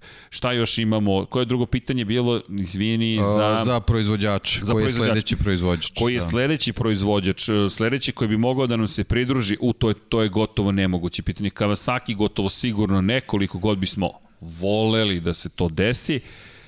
BMW smo pričali, to su ta pitanja, BMW i Kawasaki se najčešće BMW bi potencijalno mogao, ali oni jednostavno imaju neke svoje da. verovatno marketinške prioritete, tako, tako da, a generalno problem sa Moto Grand Prix, što se tiče malih proizvođača, mnogo tehnologije napreduje, motocikli su sve skuplji i skuplji, tako da čitavi budžeti, čitavi programi koštaju sve više i više, sad je sad postaje veliki, veliki problem i teško je ući. To je, to je onako nekako mač sa dve oštrice vezan za, za Moto Grand Prix, ali, ali to smo već pričali i pohvaljujemo ove njihove odluke i, i, i generalno razmišljanja u Moto Grand Prix šampionatu gde praktično satelitski timovi dobijaju fabričke motocikle i tako da imamo zaista trke na vrhunskom nivou i na ovaj način želeli bismo da, da, ovaj, da se pojavi još neke fabrike tu, ali u ovom trenutku zbog, zbog čitave globalne situacije mislim da je sad jako teško tu, tu pričati ko bi mogao da, da uđe, ali smo spominjali. Znači nekako Kawasaki i, i zbog neke, neke istorije i, i, i BMW zbog, zbog nekih svojih načina razmišljanja bi mogli da budu tu, ali to je zaista jako teško. Da odgovorim, hvala deki, kao i uvek, da odgovorim na pitanje za fantasy, vidim da je to popularno pitanje, da li mogu da se menjaju komplet svi vozači trke od trke, a i tim koji se stavio za prvu trku sezone ili ne. Ne, da, da, samo kratko, da, do početka godine, to je do, do momenta dok niste zabeležili prve poene, a velike su šanse čim učestvujete u bilo kojoj trci da ćete zabeležiti poene, možete da menjate tim koliko god želite. Onoga momenta kada počnete da, da osvajate poene ili ste nastupili u trci, možete da menjate pozicije ko je zlatni i ko je srebrni vozač u ekipi, to možete da radite koliko god hoćete, međutim, da biste nekoga zamenili, malo je drugačija situacija. Možete tokom, tokom jed, između dva, dve velike nagrade, između dve trke, da menjate jednog vozača. Dakle, možete jednog da promenite, ne možete sve da ih promenite između i ono što morate da vodite računa jeste naravno koliko još imate prostora u budžetu, što vas dovodi do toga da ako hoćete nekog skupljeg, morat ćete da se pozabavite planiranjem u napred. Praktično skinete jednog, pobacite drugog, pa onda tog onog prvog skinete, pa dodate tog skupljeg i tako u krug. Ehm, drugačije nego neki drugi fantazi, neke druge fantazi lige, ali eto, odgovor je zapravo, što, što se meni moram priznati dopada, zašto? Mora mnogo dobro da se razmisli početak, početak sezone i onda vidite kako je biti u cipelama šefa ekipe. Potpiš potpišeš ugovor sa nekim u 2020. na primjer u januaru i kada dođe mart 2021. kažeš uf, da li je ovo rešenje. Pa sad moraš da do decembra 2022. prihvatiš svoje rešenje. Tako da se mi se dopada, ali eto, to je odgovor za konkretno za fantasy. Inače u linku imate fantasy, pa ukoliko želite možete da se Možete da se prijavite kao odgovor, bagujemo nešto malo. Pretpostavljam da nas opet teroriše naš kablovski, to jest naš internet provider, ali to ćemo, počeli smo da rešavamo, ne zamerite. Juče smo shvatili da imamo taj problem, pa ćemo ovih dana da pokušamo da nekako to rešimo. Ne pitajte kako. Imali smo ovde pitanja da li mislite da Mir počeo polako Rinsu da ulazi u glavu. Pa mislim pa, da nije. Mislim, razmišljam o tome sigurno, ali da je to sad preraslo, preraslo u neku uvek. presiju, ne verujem da je još i rano, ne verujem da naravno, naravno da razmišljam. Mislim, pričali smo svi vrhunski vozači moraju da imaju ego na, na visokom nivou i da, da funkcionišu na taj način, ali ne verujem da, da, da, da, da je još uvek to neka presija. Nad, nadam se da je, da je tako. Da, ta, da sada da, tako deluje. Mislim da ne, ne bi baš bilo produktivno da, da je na taj način ovaj, cijela, cijela situacija se razvila tako. Zorić Matija, šta mislite o potencijalnom povrku Lousa u Moto Grand Prix ukoliko uzme titulu u Moto dvojkama? Pa to smo pričali u Moto Grand Prix, sad nedostaje Britanac, on je već bio ali sad je malo drugačija malo situacija, drugačija zrelije. Situacija, tako je, tako je. Zrelije, neće u apriliju sigurno, to, to je jedino što znam, mada ni to nikad ne reci nikad. Ne znamo koliko će mesta da bude, to, da. je, to je isto To je veliko pitanje gde stvar. možeš tako da odeš. Je, tako je. To je ono što o čemu govorimo, kolika će bitka biti da se ode negde, ali ovo što je Deki rekao je, je ključna stvar. Britanac imaće ogromnu podršku Dorne. Ili on, ili Dixona, ali ukoliko osvojite titulu, kako vi možete da kažete nekome ko je svetski šampion, e pa nisi dovoljno zanimljiv za Moto Grand Prix kategoriju. Nešto mi se smanjila ova majica. smej se, smej, samo se smej.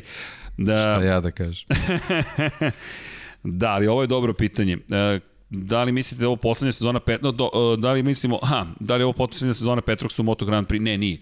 On ima dvogodišnji ugor sa KTM, KTM je poznat po tome što čuva zapravo svoje vozače. Čak i ukoliko im ne funkcioniše sve, redko kada nekoga ostavljaju posle prve sezone ili na polovini ugovora. To je zapravo Zarko učinio KTM-u, ne obrnuto.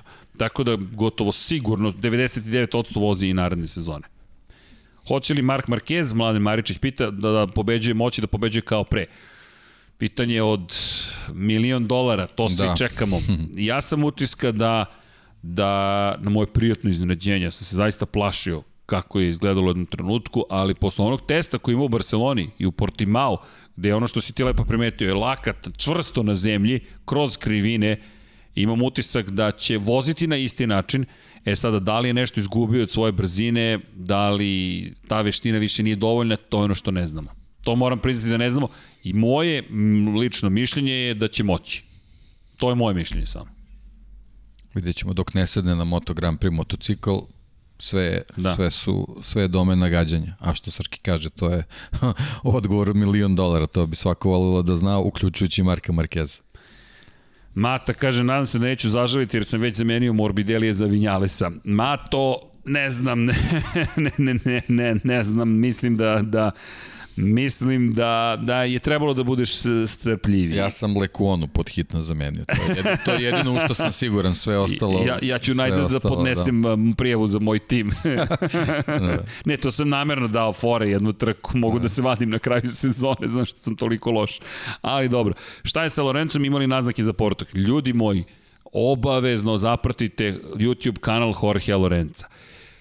Jorge Lorenzo je ušao u novu fazu svoje karijere, prati Lab 76, Infinity Lighthouse, Inspirisan, šalim se naravno, ali napravio svoj YouTube kanal, još se tu snalazi, nije baš nužno javna ličnost, ali ono što meni prije jeste što čovjek bez dlake na jeziku i on svoje piše, na ovaj ili onaj način on piše, iako je motorsport posvetio ceo komentar, ljudi, ceo komentar je posvećen tome da bi Jorge Lorenzo trebalo da napusti društvene mreže i penzioniše se, ja se apsolutno ne slažem sa, sa našim kolegom iz motorsporta, pod jedan, nek radi čovjek šta želi A i to je možda neka njegova taktika. Pa, to je možda Nikad njegova taktika. ne znamo na što će to sve da, da Ej, se pritom, izrodi i izvede. Šta mi znamo šta on voli ili želi u svom životu i šta ga čini srećnim. Pri čemu ako ne vređaš druge, to što se on čika sa svojim bivšim kolegama, pa je to javno postalo, to je njihova stvar.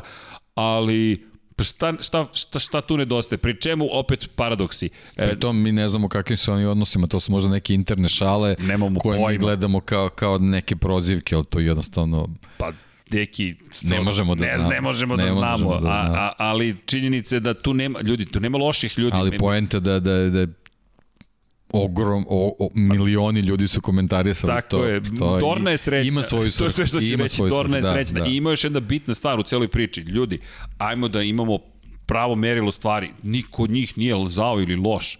Eventualno može da bude dosadan, naporan, neprijatan, ne znam, nešto od toga. Ali da kažemo da su to loši ljudi, ne, ne. Da, povučen, loš čovjek je onaj koji krade, je, ubije, da. povredi nekoga. To su loši ljudi. Ljudi, prevaranti su loši ljudi. To, to, je, to je loše. Ovi ljudi mogu da budu nepristojni, eventualno, grubi, ne taktični, ali sad pričati da to neko zlo, pa ne, ma kakav, Jorge Lorenzo je jedan svetski šampion veliki. Pozdrav, šta mislite kakva je budućnost za MV Agustu u Moto dvojkama? Evo, Marina lepo kaže, Lorenzo Mangup. Pozdrav, Marina. E, pa kakva je budućnost za MV Agustu? Ja se bojim da nije preterano ružičasta. MV Agusta se oporavila uopšte od toga da je naslednik je doveo na, na rub propasti u jednom momentu kao fabriku, preuzeli su i ruski investitori, to sada izgleda mnogo bolje, uozbiljili su se kada je reč o proizvodnji rezervnih delova, o lancu snabdevanja, koje kupovao MV Agustu. MV Agusta je jedna posebna priča, ali u jednom momentu je ušlo u situaciju da vi ne znate da li ćete dobiti rezane delove ili ne. Toga sada više nema, dosta je to popravljeno i MV Agusta se polako tu oporavlja. Međutim, COVID-19 je, bojim se, i nju zakaču u jednom osetljivom momentu, a što se tiče Moto dvojki, nema rezultata. Forward Racing team, evo, Lorenza Baldassari treba da nosi tu ekipu. Nije opet završio trku. Bojim se da, da, da nije preterano svetla budućnost. Zaista. To je, nažalost, moje mišljenje, ali znate kako, to ako je neko, nečiji pet project, ako to neko želi prosto da ima u Moto dvojkama, biće tu i dalje, ali to se svodi sad na lično negde na, na, na, na vlasnike. To je ono što su pričali o KTM-u i kupovini, KTM koji je ponudio pare za Ducati, Volkswagen grupacija, prema rečima iz KTM-a je rekla ne, nije na prodaju Ducati i da je to privatno nešto, porodica koja ima većinski udeo u Volkswagenu je rekla ne, ne, to je naše, to je kao kad mi kupimo nama Lego Technic Ducati, tako je neko sebi kupio bukvalno Ducati i rekao ne, ne, mi ćemo da zadržimo ovu igračku za nas. To je otprilike to. Da li mislite da je Karl Kračov kao test vozač pun pogodak Yamahe? Pa prema sada, da. izjavam da. Vinjales ako, ako je ovo proizvod njihove neke saradnje i Karlovih saveta koje je očigledno samo Vinjales prihvatio, onda da, ali To, to je suviše rano da, da, da pričamo o tome. Ali na osnovu ovoga što smo Tako videli, je. Tako, jel, jel, Delo je dobro. o- o- rezultati ostale dvojice vozača na fabričkim Yamahama to ne potvrđuju, ali ako je, on, ako je tačno to što je Vinjales rekao, onda da. E, da li mislite, e, šta, ne izvinjam se, preskočih dva, kako komentarišemo Stonerovu izjavu oko odlaska iz Honda na puštanje test roll, Honda's young gun didn't want me around. Pa čujte, to je izjava sa polovine prošle godine. Casey Stoner nikad nije uvijao reči, nikad nije pokušavao, nikad nije izmišljao iz perspektive onoga što smo imali prilike da, da, da, da Istorija nas uči tako. Tako je. I on je vrlo otvoreno rekao da je prosto da ga Mark Marquez istisnuo iz te, da. sa te pozicije 2015. Nije uopšte čovek uvijao. Da. I nije nemoguće da je tako. Pa, nije nemoguće. Sad, zašto? Pre čemu? Da budemo precizni, Stoller kada je to rekao, on je rekao I got a little bit squeezed out. Nije rekao da ga je u potpunosti. To su malo mediji preuveličali. Tu mora da se povede ozbiljno računa i od kontekstu nije rekao, rekao a little bit. Dakle, donekle me je istisnuo. Mislim da Marquez nije imao agendu, sada ne sme Casey Stoner to više može da, da zvuči tako ili da jednostavno Casey Stoner možda u nekoj situaciji nije odreagovao kako je trebao, a znao je da možda takva situacija sledi. To su sad već neke stvari gde, gde, gde je potrebno tumačenje, ali to što ti kažeš, on jednostavno iskreno u svojim ovaj, izjavama i to što je rekao je verovatno tako, je sad je samo potrebno videti na, na koju relaciju je misli. Prosto, da, sad, ta cela izjava, nije, nije ga Marquez želeo, Možda ga stvarno nije želeo u celoj priči, možda se osjeća ugrožen, možda je prosto mislio da ukoliko u jednom momentu Stoner kaže hoću da se vratim na stazu i Honda mu to ponudi, što ne bi bilo iznenađenje, ogromno poštovanje uživao u Hondi, mada i to su sad problematični odnosi postali posle onih 8 časova Suzuki i te za njega neprihvatljive izjave kada je rekao zaglavila se Sajla Gasa, a Honda je rekao ne, ne, ne, nije se zaglavila sigurno, pa posle analize je rekla da ipak se zaglavila Sajla Gasa, da je Stoner rekao meni ne verujete. Ali to je sad opet i ego Casey Stonera, uzmite i to u obzir, ali da li je Marquez to potez povukao, pa kada to Casey Stoner kaže nema mnogo razloga da sumnjamo u to. Iskreno, njegove izjave su prilično direktne, čovek je uvek govorio šta je mislio. Sad, mi ne možemo da znamo baš šta se tu događalo. Ali uzmite obzir da Casey koliko god da je fenomenal vozač, jedan od najboljih svih vremena, apsolutno najveći talent koji sam ikad video, uh, S druge strane, nije jednostavno za saradnju. To vam je kao jedan dragulj koji morate pažljivo da pristupite tom čoveku i ukoliko jednom pogrešno nastupite, mogu da se zatvore vrata. Tako da ni sa Casey nije baš najjednostavnije sarađivati, ali pretpostavljam da svaki od njih ima prosto neku začkoljicu u celoj priči. Da li mislite da... Ne, Srki, kako napredu pregovori sa Martinom Vogrinicom oko gostovanja? Moram pristiti da još nismo ni počeli pregovore, ali... Pa ja mislim da to neće da, biti da, pregovori, nego da, samo eto Da se dogovorimo, opet nadamo ponavljamo situacija, nadamo situacija, se, situacija, je. sve je nezgodno. Tako je. Da li će Sky VR46 početi da proizvodi motore? Mm, mislite na Moto dvojku možda ili nešto drugo? Ako mislite na agregate ili menjače, ne, ne, ne, ne, to teoretski ne postoji kao šansa. Mhm, bukvalno oni i to, to, to su ljudi tehnologije koje ako niste fabrika nemate mogućnosti da ih razvijete osim u Moto2 klasi da razvijate šasiju. Tu postoji šansa, ali to moram priznati da to još nisam još nisam čuo. Ali okej, okay, ovo raspitaćemo se da da da li će se nešto dešavati. Ivan Vojsinović turio sa Morbidelli Zarka na Ducati, u rezervu turio Beštiju i Rosije. Sva sreće što ne dajem svoje pare, srčka mi bi bila zagarantovana. da, ali dobro, polako. Srki, da li znaš zašto su cene konstruktora na Fantasy rapidno pale Ducati sa 3.9 na 2.5, Yamaha sa 3.7 na 2.3 itd. sem Suzuki-a? Uh, ne znam, Stevie G, da li je to između sezona ili sada moram priznati nisam baš pratio tako pomnu cene. Moguće da je na osnovu, mada što bi pale Ducatiju kada je Ducati osvojio pa Dobro, tako to ide. Ne znam. Nisu igre jednostavne. Zaista ne znam. Dixon pre nego Lowe's. Da, Dragane, Dixon deluje da, kao da je smo Dixona, da. sledeći koji ide, da. samo ako osvoji titul njemu je, Lowe's. Njemu je uzlazna putanja, a Lowe'su je, Tako ono, je. neka kriva koja, koja šara i mlađe i naravno, ali što kaže Srki, ako osvoji titul, to menja, menja Me, mnogo stvari. Mnogo, mnogo. Tu će već zavisiti nešto i, i ovaj, od njegovih želja, a ne smemo da zaboravimo da dolazi iz Britanije koja stvarno koja je stvarno jako, jako važno tržište, tako da ovaj, tu ni, nema, neće biti puno problema ni sa sponsorima i tako dalje, ali poenta je šta su njegove želje. Hoće li ove godine bitka za titulu biti Mir Marquez? To je moja za sada procena od prošle, ja to prošle nedelje rekao, stojim pri tome, argument mi jeste njihova konstantnost, ali opet Marquez i dalje znak pitanja. Moramo da, moramo da to da sačekamo, koliko god verovali jedno ili drugo. Za Markeza pitanje da li može da dosegne Agostinija. Pa sad, to je, to je ta povreda. Koliko će Vidimo uticati kako na njega. je to teško. Teško je, evo pogledajte Rosija. Do 115. je došao pobede. I ovih sedam agonija, tih sedam. Pa onda uzmete u obzir pad u Lemanu, pad u Holandiji, pad prošle godine u Francuskoj. To su bile možda neke šanse da dođe do 118, pa 119, 120, ali pogledajte kako se to uspori odjednom. I ono što I do smo... godine, i povrede kad dođu, Pa, da. to je, Ne, ne To je znamo. nezgodno, da. Ne znamo. Yamaha uništava Morbidelija koji je najbolji vozač u Moto Grand Prix trenutno. A, nije namera, ali deluje da, da baš ima ozbiljne probleme sa motociklom. Što je ono što si Deki ti lepo rekao, ukoliko ne povedu računa, jednog izuzetno talentovanog vozača mogu lako da izgube. A pazi sad ovo, Italijan je, Aprilia želi Italijana. Ako se ne dogovori sa Andrejom Doviciozom, da li će sutra pozvati Franka Morbidelli i reći da li možemo da napravimo dogovor? ili ako se pojavi neki satelitski tim Aprilije, Na PR, koji će se zvati VR46, na PR. Sva šta je moguće. sva što je moguće.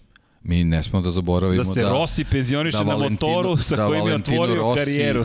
ne, ne, ne, ne mora, uopšte nije, nije obavezno da on bude tu, ali poenta je da je on pokazao da je čovjek koji želi da ostane u Moto Grand Prix na neki način. Tako da, a Franco Morbidelli je očigledno jedan od njegovih ljubimaca. Neće ga sigurno tek tako pustiti niz vodu i on. Racionalno gledano sve si rekao.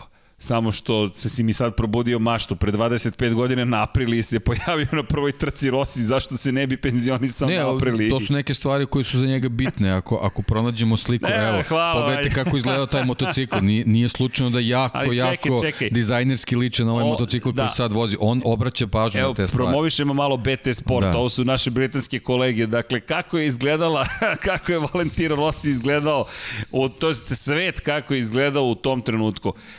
Firestarter Prodigy je bio broj 1 u Velikoj Britaniji.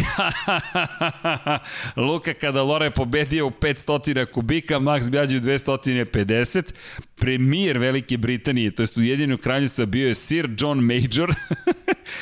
Valentino Rossi započeo karijeru u Maleziji 125 kubika. Robbie Fowler Robbie Fowler je debitovao za Englesku, pobedili Bugarsku 1-0. Ace Ventura na CD-ROMu igrica se je bila na- vrhu sveta. Shawn Michaels je pobedio Breta Harta za titulu u teškoj kategoriji u WWF-u i tri dana su bila od epskog, epske pobede Liverpoola nad Newcastlom od 4 naspram 3, a ovo verujem da je ustrećilo našeg dragog prijatelja i kolegu Dejana Potkonja. Dejana, you'll never walk alone, Potkonjaka. Jel zato ta crvena majica trajno na tebi? Moguće, sasvim slučajno, ali jako se lepo povezalo. Sasvim slučajno, ali ne postoji druga boja. Da, da. da. okej, okej. Dobro, da li je Neja može Da, izvinjam se, Da. Stoji Robbie Fowler da je debitovao, ali Robbie Fowler na toj utakmici dao dva gola. To ne sme se Čekaj, ta- čekaj, taj- kako je dao dva gola? Liverpool, Newcastle 4-3. Aha, okej. E, to, to, to. Da. Čovjek ne zaboravlja ništa, apsolutno. Ok, da li je Neja može do pobedničkog postolja? Teško. Baš teško, ljudi, malo Pa dobro, da, to baš sezona. treba neki splet, ne znam Da kakve se vozi u okolnosti Brnu. Da bude, ali da. da se vratimo. Da je Formula 1 možda, ali ovako u Moto Grand Prix je teško, teško. Da, da. Ja sam zamenio board, vidjeli je sa Zarkom, kaže Cule. E, Da, šta, šta još, svi like Bojan Đurđević, može svi like. E, Kumilica, pozdrav, deki, pozdrav Srpke, koga biste pre hteli da vidite kao zamenu za Iker Lekonu u Tech 3 KTM-u sledeće godine, ukoliko ne isponičkenje Remije Gardnera ili Raula Fernandeza? Pa rekli smo, Gardner, Gardnera, Gardner Gardnera, nam pa, je i volili bismo očigledniji. Da, da, vidimo. da, Za da. početak polako, Raul Fernandez, ljudi, tek je stigao Moto dvojke, dajte Gardneru šansu. Ali Raul Fernandez, ozbiljna ekipa. Kad bi vas se pitalo da li bi neki voz- vozači iz Moto Grand Prix stavili u F1 u, i obrnuto, Mladen Maričić, koga bismo pretpostavljam zamenili? Ma ja na keca ću vam reći, iz Formula 1 prebacio bi i Hamiltona i Verstappena na moto. Ja bih Hamiltona, da, pošto Da, je, apsolutno. vidi se da voli, pa čisto da, da, da vidimo proba da vidi to, to, kako to i Maxa da. zbog glave. Da, da, Prosto da, mislim da odgovara njegovom temperamentu da da vozi u u Moto trojkama za početak. Da. Šalim se, ali da u Moto Grand Prix, apsolutno koga bih još volao da vidim u Moto Grand Prix-u? Yukija Tsunodu, posle ovog da. starta sezone Yukija Tsunodu svakako. Samo ne znam, s nekom hoklicom da ga, da ga smestimo. Pa. Dani Pedrosa, Da, izvini, da. Dani, Dani je, Da, to je to. Da. to je, to je bukvalno to, samuraj. Vidiš kako se lepo Jest, spaje, samuraj, taman bi bilo. Da li bismo još nekog ubacili? Pa Lando Norris možda bi se uklopio, ko zna. Ne znam. A koga bismo iz MotoGP-a u Formulu 1? Uh, Morbidelija i Bastianinija. Ne, ne može bez bešti da prođe odgovor. Ja bi Jedno, ne znam, je li on, vi što nisam nikada ovaj, je li on visok? Da, se ne znam, ovaj... Mm, Nije, nije nešto nadprosečno. Pa da, to mi je nešto, nisam, vidiš, nisam to nikada ovaj, U celoj priči. ne znam, ne, znam taj podatak, da, ali, ali recimo njih dvojica bi onako baš zbog, zbog ovog izdanja u, u Kataru baš bi voleo da vidim kako bi se tu snašao kad, kad bi mogao da upravlja tim automobilima, a Morbidelli generalno. Ja bi drugačijim putem išao. Zarko i Miller. da. Zarko i Miller, da. mislim da bi to bilo, da bi to činilo Formula 1 i još zanimljivije, mada je bila super trka sada.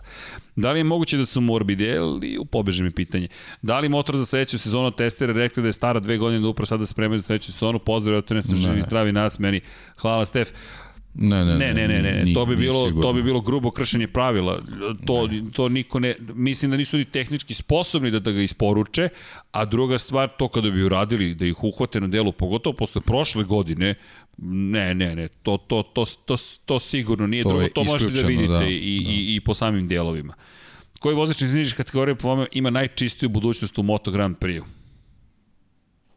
Hmm, iz nižih kategorija. Najčistiju, pa to je teško. budućnost. To je, to je Pa, ne znam. u ovom trenutku Niko mi se ne izdvaja tako da kažem, jedva čekam da ovaj momak stigne u Moto Grand Prix i da će klinci koji su stigli u Moto Trojki još je rano za Još je rano, još je rano, Još je rano. ali ja ih obojicu vidim kao potencijale da, da jako brzo Acostu. da jako brzo da. dođu zbog onoga šta su pokazali Pa- i u prošloj sezoni, koliko sam pratio, a posebno zbog ove prve trke. Pa rekao bih sad i na konto malo pređašnjeg pitanja koje je Kumilica postavio, postavila, jeste da je zapravo u pitanju Raul Fernandez. Meni on deluje sada sve ozbiljnije. Da, ali, ali baš onako da kažemo, sigurno je ne. to je, ne, ne, ne. Nuno Manaja de Carvalho. Pitanje srđana, komu je draži vozač, Stoner ili Marquez?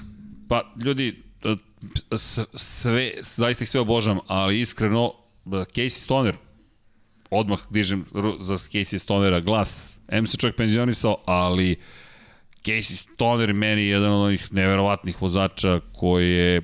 Nije da Marquez nije, prosto nešto je mene tu pogodilo kada Stonerova ta titula s Ducatijem, način na koji je vozio, pa čak i ta prgava ličnost, ne, uvek mu nešto smeta, nekomu, je, ne, nekomu smeta. Nisu mu krivi, ali nešto mu smeta. Meni je bilo nekako simpatično, ovaj konačno jedini Ducatijev šampion ikada. Ali to je sad simpatični, ne znam da li je adekvatan Ne znam da li je to pravi opis kako bih to posmatrao. Um, Nijeko, mnogo ljudi mi često postavlja to pitanje i nije da nužno veruje. Ljudi, kada prvi put odete na trku i kada prvi put odete u prvu krivinu, preporučujem toplo da se uvek oseti prva krivina, mali trik. Stanite na tački kočenja pre tačke kočenja, da čujete zvuk pre kočenja, a onda odete bu- bukvalno 10 metara. 10 metara, tačno u tih 10 metara gde puštaju gas.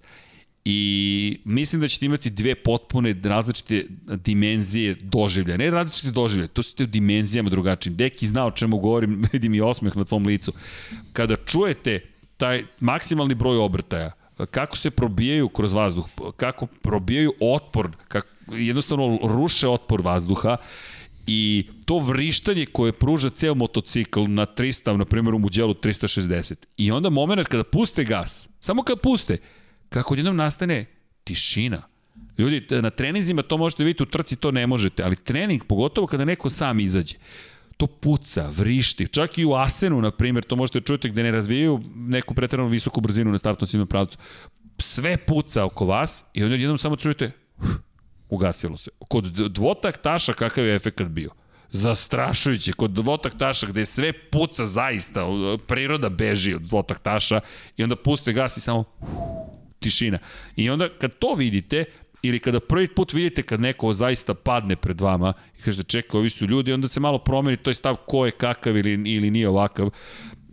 Jednostavno, ne znam, Stoner je meni bio nekako super simpatičan čovjek, jednostavno se šeta sam, ne voli da mu je iko tu, ali naše kolege Ne sjećam se točno ko je s njim, da li možda čak opet Zoran Živko bio na Moto Grand Prix, ja čak mislim da je igrao sa njim Stoni futbol, na primjer. Tako neka bizarna priča, upoznali su se sa Casey Casey kada se otvori pred ljudima, pa jedan klinac koji hoće igra Stoni futbol, eto. Kako ide fantazija u MotoGP-u? Imate mu Amere u descriptionu već sada ubačeno. Ubačen link. Pozdrav momci sebi, šta mislite da li Rozić može da bude konkurentan ove sezone Ivan Arizanović? A nažalost, bojim se da, da, da koliko god je romantična ta priča, evo Deki ti si citiran na početku, koliko god bismo voleli, da. svi bismo voleli da bude konkurentan zašto? Pa sentimentalnost, ali teško će to, te, teško će to biti. Zaista teško.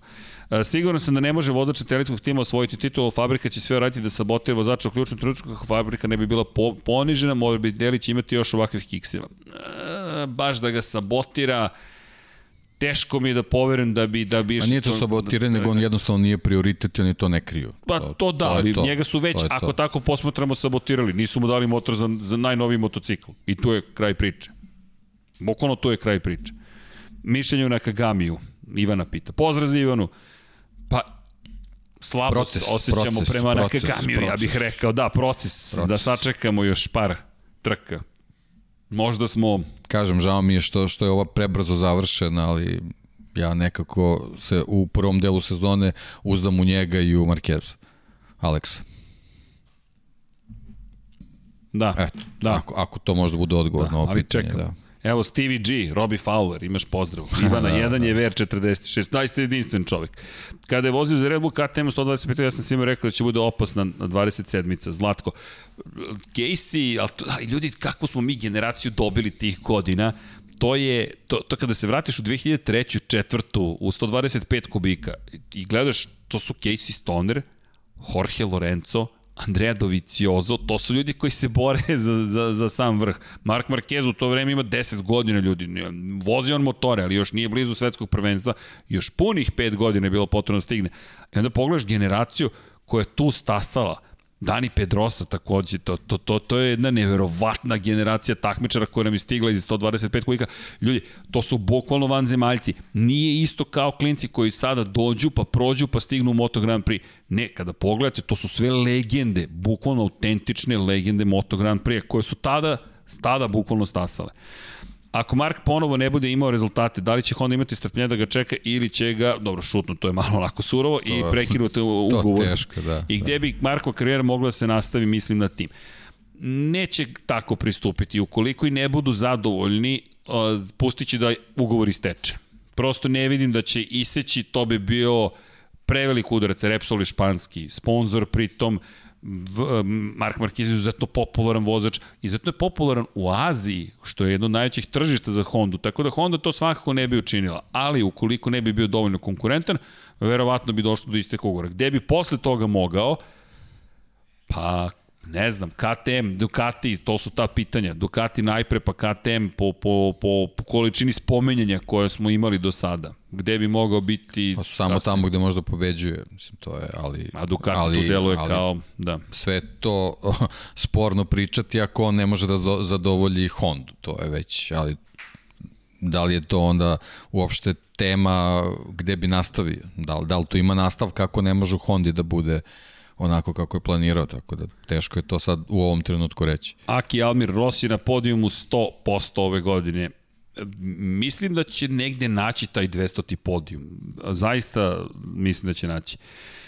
Ja bih volio vidjeti Romana Fenatija u Formuli 1. ok, Dragane, to je surovo. Vlado Meranić, sve najbolje, samo tako nastavite. Hvala, hvala ljudi, hoćemo. 168 visok beštija. Da li slažete da sa mnom da će, da će Franko Morbidelli biti jako opasan ove sezone ako ga ne bude prevario motor, zezao motor, ok, kao ovu trku.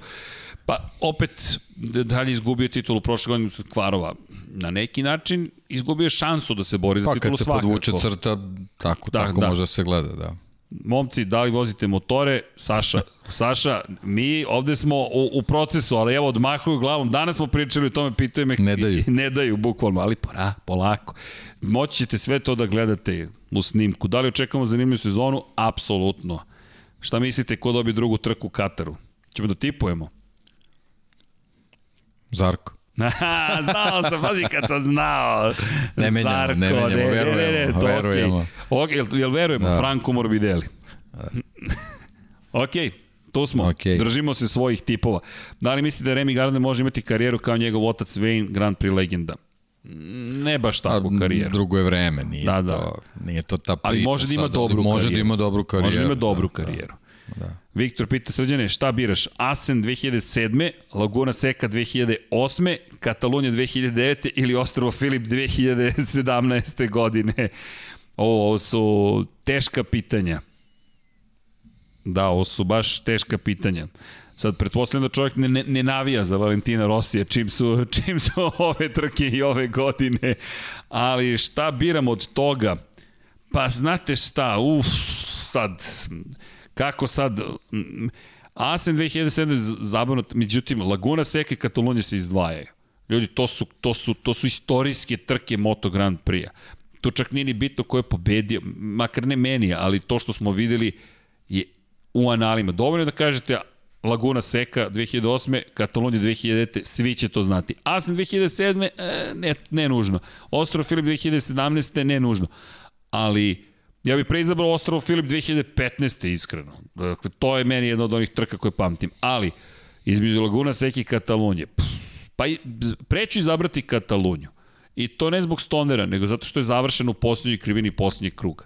E, Laguna Seka je rešena polovinom trke. I jeste, to, evo tu se spominje da Ivana Rizanović, kada čujem Stoner, odmah mi pane Laguna Seka je Rosijeva lekcija života. Jeste, to je bila ozbiljna lekcija koju Rossi održao Casey Stoneru, ali mi je Katalonija 2009. ipak maestralnija trka ukupno. Ljudi, kada ste videli u toj eri Moto Grand Prix u poslednjoj krivini poslednjeg kruga. To je postao standard, mi smo se razmazili u poslednjih pet godina, gde smo mogli da gledamo te brojne duele između Andreja Dovicioza i Marka Markeza, Marka Markeza povremeno sa, sa Fabijom Kvartararom pa, i kako ideš Aleksa Rinsa to je i Marka redko Markeza. bilo. Mislim, to dešavalo se naravno. Ali vrlo, vrlo, ali, vrlo redko. I to još klubske kolegije, Rossi za 99. pobedu, gledajte 99 yardi, ali da je to to je zanimljivo da, da eto 99 je naziv za za Jorge Lorenza. Čekaj kako mu se zove kanal? Ima, da, da nije uzeo krug 99, morat ćemo da ga zovemo, kažem, čekajte, pa, ne, pa nemojte kolega, pa nemojte, kolega youtuberu, nemojte tako. Ali, da, Jorge Lorenzo se pojavio na YouTubeu, to bismo isto mogli da podelimo s nama. Da, 99 sekundi se zove. Ok, Jorge, nije 99. krug, ali Katalunja, eto, 2009. Frenki najomiljeni vozič na Balkanu trenutno. Laguna je vrlo zahtevna. Laguna, ima Laguna to, ali eto, prosto to je to. Ima li najava za, za publiku u Evropi da kupujemo karte? Ne još. Ivan Vosinović, evo novinarske kletve protiv mog fantasy tima, dužni ste mi piće kad popadaju u prvoj krivini. Pretpostavljam da čovjek ima Zarka i Morbidelija. Joan Mir, majstor svog posla. Jeste. Joan Mir je majstor svog posla. Jeste, ne očekujem pobedu, ali videli smo da može na pobedničko postolje. Šta mislite o Zarku, da li može čitavu sezonu da bude konstantan u top 6 ili 8 većinu trka? U, na tim pozicijama da. Da. da, ali to zavisi od motocikla, nije, nije samo sa Ducatijem da. je ta, ta stvar da ne zavisi sve i od vozača. po vama, da li je Doviciozo zaslužio da bude proglašen za legendu Moto Grand Prix-a? Da. Da, mislim da jeste. Nekoliko razloga. Ne samo što je svetski šampion, ne samo što je čovek koji ima preko 15 pobjeda u Moto Grand Prix-u, već ti njegovi dueli sa Markom Markezom ga svrstavaju upravo u te legendarne momente. Jer ako ste vi učesnik tih kultnih trka, ne jednom, već vi imate sedam duela sa Markom Markezom u poslednjoj krivini poslednjeg kruga i većinu ste dobili to ipak nešto govori. Imate jednu titulu, ne, nije osvojio Moto Grand Prix, možda sam suviše sa centimetrom. Ovako ćemo, ako je Sete Gibernau legenda, onda, onda i Andreja Janone. Jel su na, Rešeno. na taj način... Ovaj, Rešeno. Ne, Bože, da, da. Ja samo uh, svim želim da jednom u životu da može da vozi Arabijata 1 Kazanova sa velom i da, da se okusi najbolje strast u životu. Igore, taj, ti racing vikendi postoje, tako da može čak i da se ode, ali morate da budete spremni, trkačka licenca i Kazanova sa Veli vas čekaju, Arabijata 1 i 2, samo da znate iz iskustva ljudi koji su vikend trkači, ne MotoGP vozači, e, poruka instruktora je bila sledeća. Ja ću ti objasniti kako da uđeš u te dve, te dve krivine, Kazanova sa Veli. Ali na tebi je da vidiš da li imaš dovoljno, bit ću vrlo kulturan, hrabrosti da uđeš u Kazanovu sa Veli tako kako treba da se uđe. Čisto da, da znate. Svakako se najviše na pobedi ne fabričkih motora u Kataru, no jer onda prvenstvo postaje jako interesantno, no ako ne bude vetra, Ducati će lagano da odskoči. Goran Jovanović, pozdrav Gorane, da, ukoliko ne bude vetra Ducati može da napravi, jer tih 362,6, novi rekord, s vetrom ne postoji. Laguna Seka vrlo zahtevna tehnički, apsolutno je od najtežih staza koji može da se vozi. Deki ne odustaje, pretpostavljam kada reč o Bastianiniju i o Zarku. Već godinama nazad Rossi ima iste probleme sa zadnjom gumom, što mislite da li su u pitanju godine ili nešto zaista do guma? Ne, sigurno je do guma, da sigurno je do guma, ali takođe i do godina. Suviše vozača spominje gume, tako da. da moguće da je to, ali, ali, ali ima sledeće, da je ovo. Rossi iz 2004. Da li bismo pričali o gumama ili bi on našao način da prevaziće taj problem? Ja mislim da bi taj Rossi od pre 17 godina i dalje rekao, nema problema. Zaboravljeni Marko Melandri. Da, da, Marko Melandri. Šampion sveta iz 250 kubika. Samo da ga napomenem, pozdrav za, za Marka. Hoće li se vraćati Brno na kalendar da Crazy Srb? Obećao sam Burazi da će mi će, imamo u okolini Brno neka familiju. Pa bojim se da će to vrlo teško da se desi. Dva razloga. Prvo, ne, ne, nesuglasice koje su godinama pratile to trku na političkom nivou u Češkoj su sada kulminirale i dovele do toga da se ispadne sa kalendara.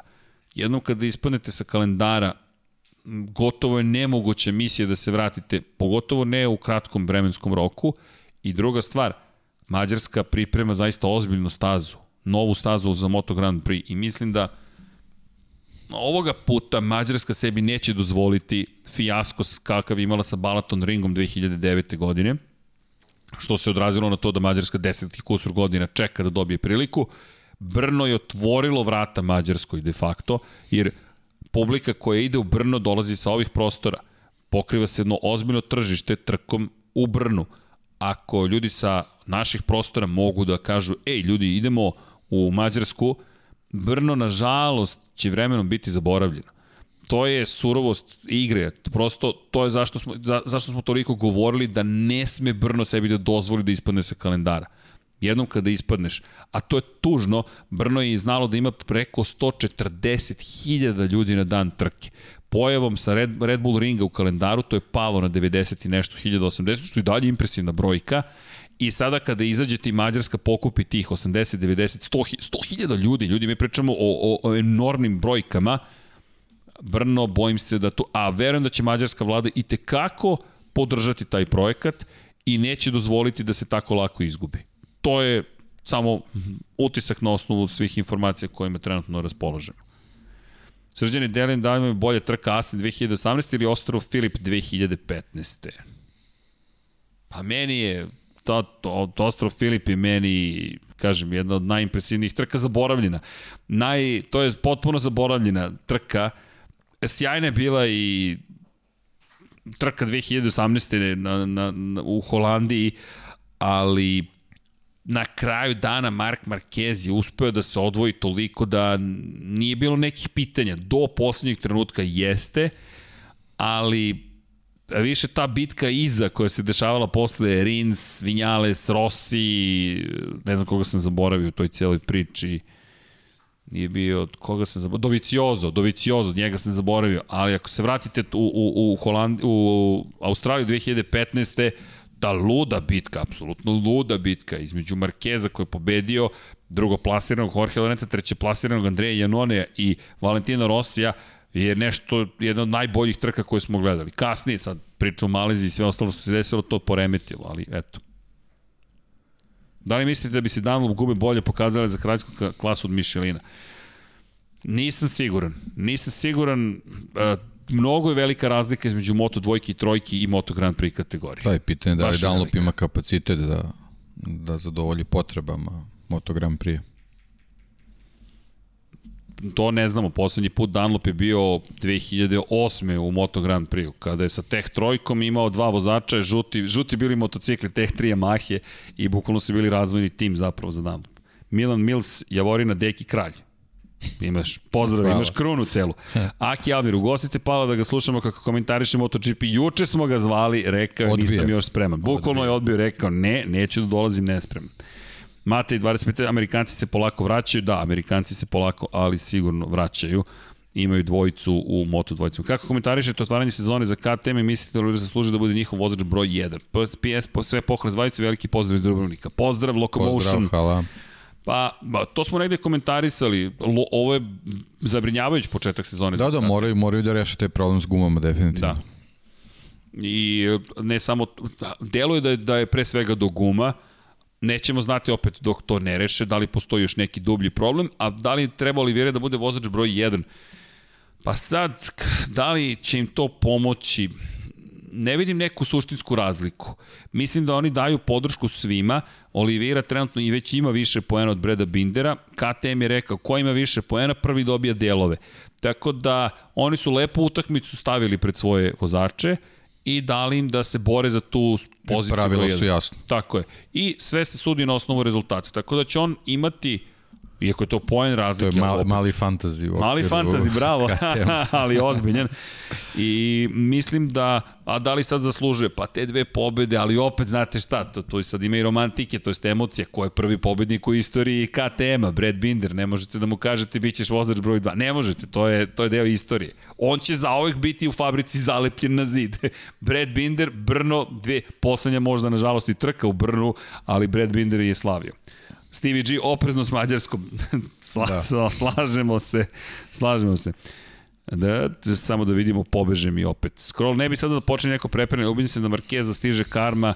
O, dobro, sad ne mogu baš sve da. ovo da pročitam. E, I Ivan smatra da više nikada neće osvojiti nijednu titulu. Pa, ne znam, ne znam, ali u svakom slučaju ne bih da ga stiže šta god da je učinio, povrede, mislim da niko ne zaslužuje povrede, ali ali činjenica je da, da će biti baš teško. Sve teže s godinama, pogotovo za ovu povredu koju ima. To, to jeste činjenica. S obzirom da je Srđan verovao u Bindera prethodne sezone, da li je promenio mišljenje veđani sumnjali njegove vozačke kapacitete? Luka, odlično pitanje.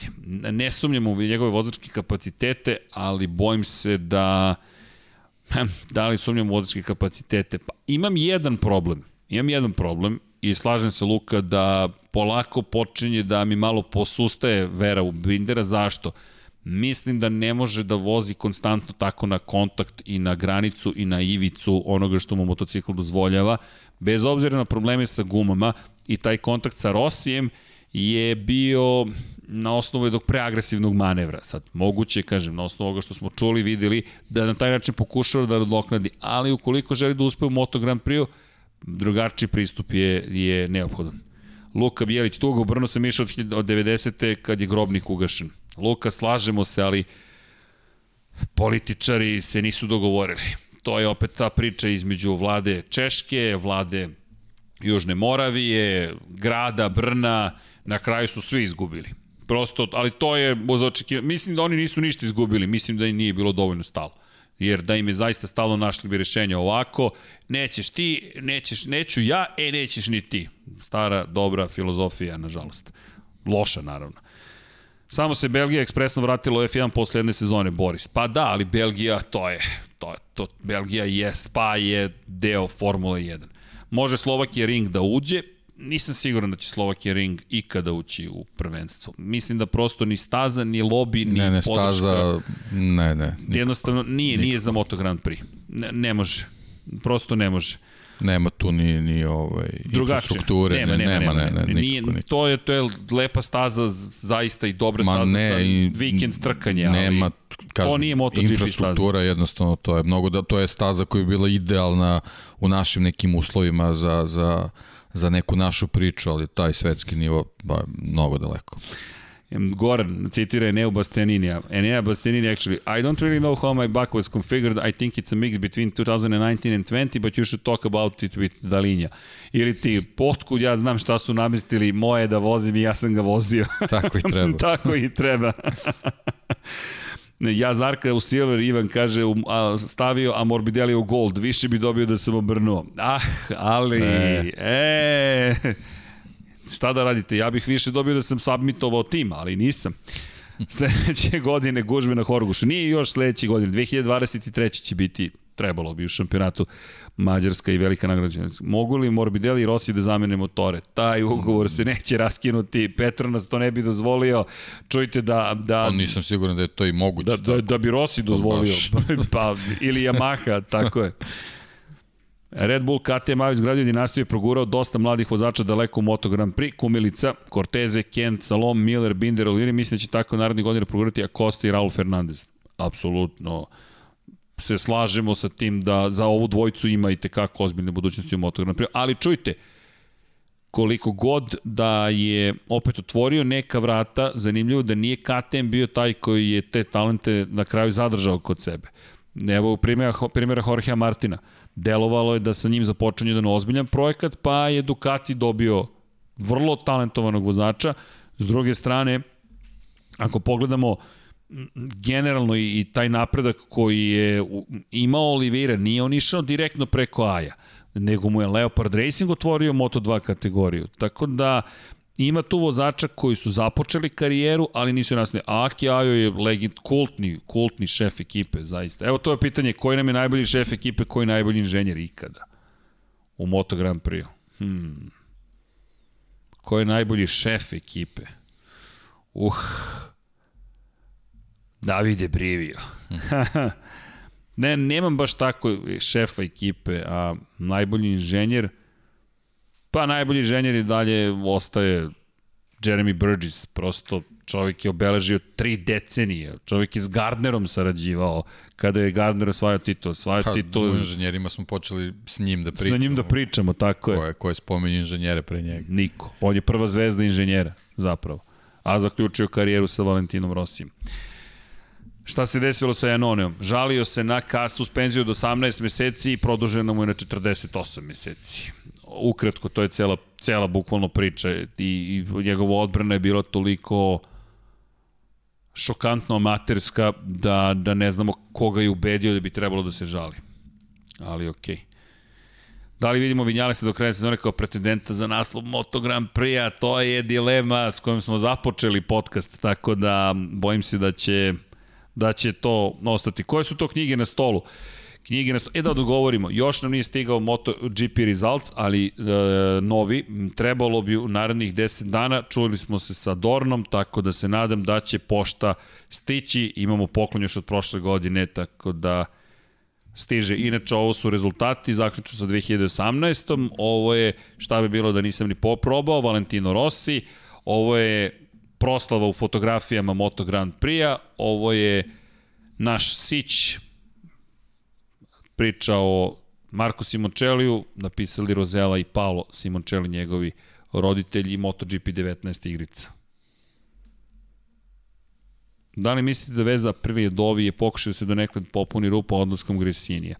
Pa ne, oni su ga i ranije hteli. I Fausto Gresini je želeo da dovede Andreja Udovicioza, samo prosto nisu uspeli, on nije želeo, ali mislim da Aprilis značajno skočila vrednost.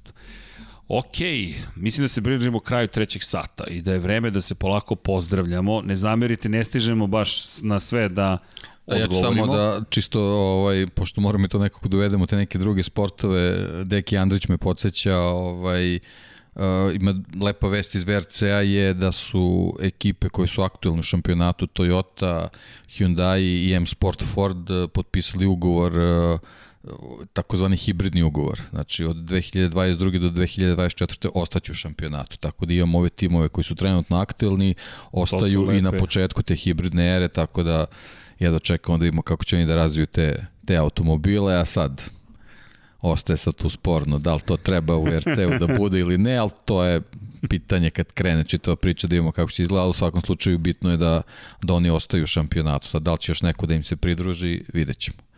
Znači imamo ova situacija kakva je trenutno, imamo i do 2024. što je, da. što je lepa vest. Malo, Večeli malo smo... je to ekipa, da se razumemo, ali, da ali bolje išta nego ništa. Mislim da bi trebalo da. da sednemo da sutra da se dogovorimo za da. taj, da tu najavu trke u Hrvatskoj.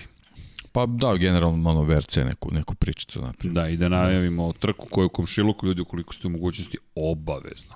Obavezno. Po, pogledajte tu trku Reli je potpuno drugačiji uživo. Nije nužno klasičan televizijski sport, ali uživo Reli je jedna od najlepših disciplina automotosporta i veština koju ti ljudi posjeduju je Pa, ja bih je nazvao osnovna disciplina. Može. To je baš, ba, o, da, baš to. lepo rečeno.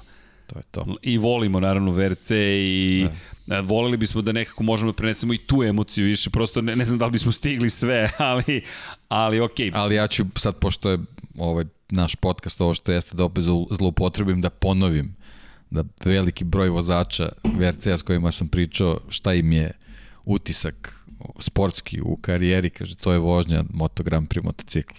Tako da, ako oni to kažu, onda te dve stvari stvarno treba onako iz, izjednačiti. Ko voli Moto Grand Prix treba da pogleda i VRC. Da, mislim da će živjeti adrenalinski udar da, 100 da. od stotni. Da. I zvuk, i veština, i kada pomislite neće skre, ovo ne može da skrene, o, ovaj položaj vozilo ne može da zauzima i da prođe kroz krivinu, i te kako može, to je planirani položaj u 99% slučajeva. Ok, nadam se da ste uživali, moramo da se odjavljujemo. Nadam se da se družimo i sledeće srede posle trke broj 2, da kada će biti još uzbudljivije, verujem. Mislim da nas čeka neizvesnost na tabeli vrlo ozbiljna. To je ono što, što, što, što mi neki osjećaj. Prosto u Moto Grand Prix pre svega, u Moto trojkama nekako se to podrazumeva gotovo. U Moto dvojkama malo zabrinjava Sam Lowe's, ali ok, vidjet ćemo. No, posle druge trke dobit ćemo i mnogo odgovora na već postavljena pitanja. Ne sve, naravno, još 18 trka računajući ovu koja je pred nama tokom ovog vikenda.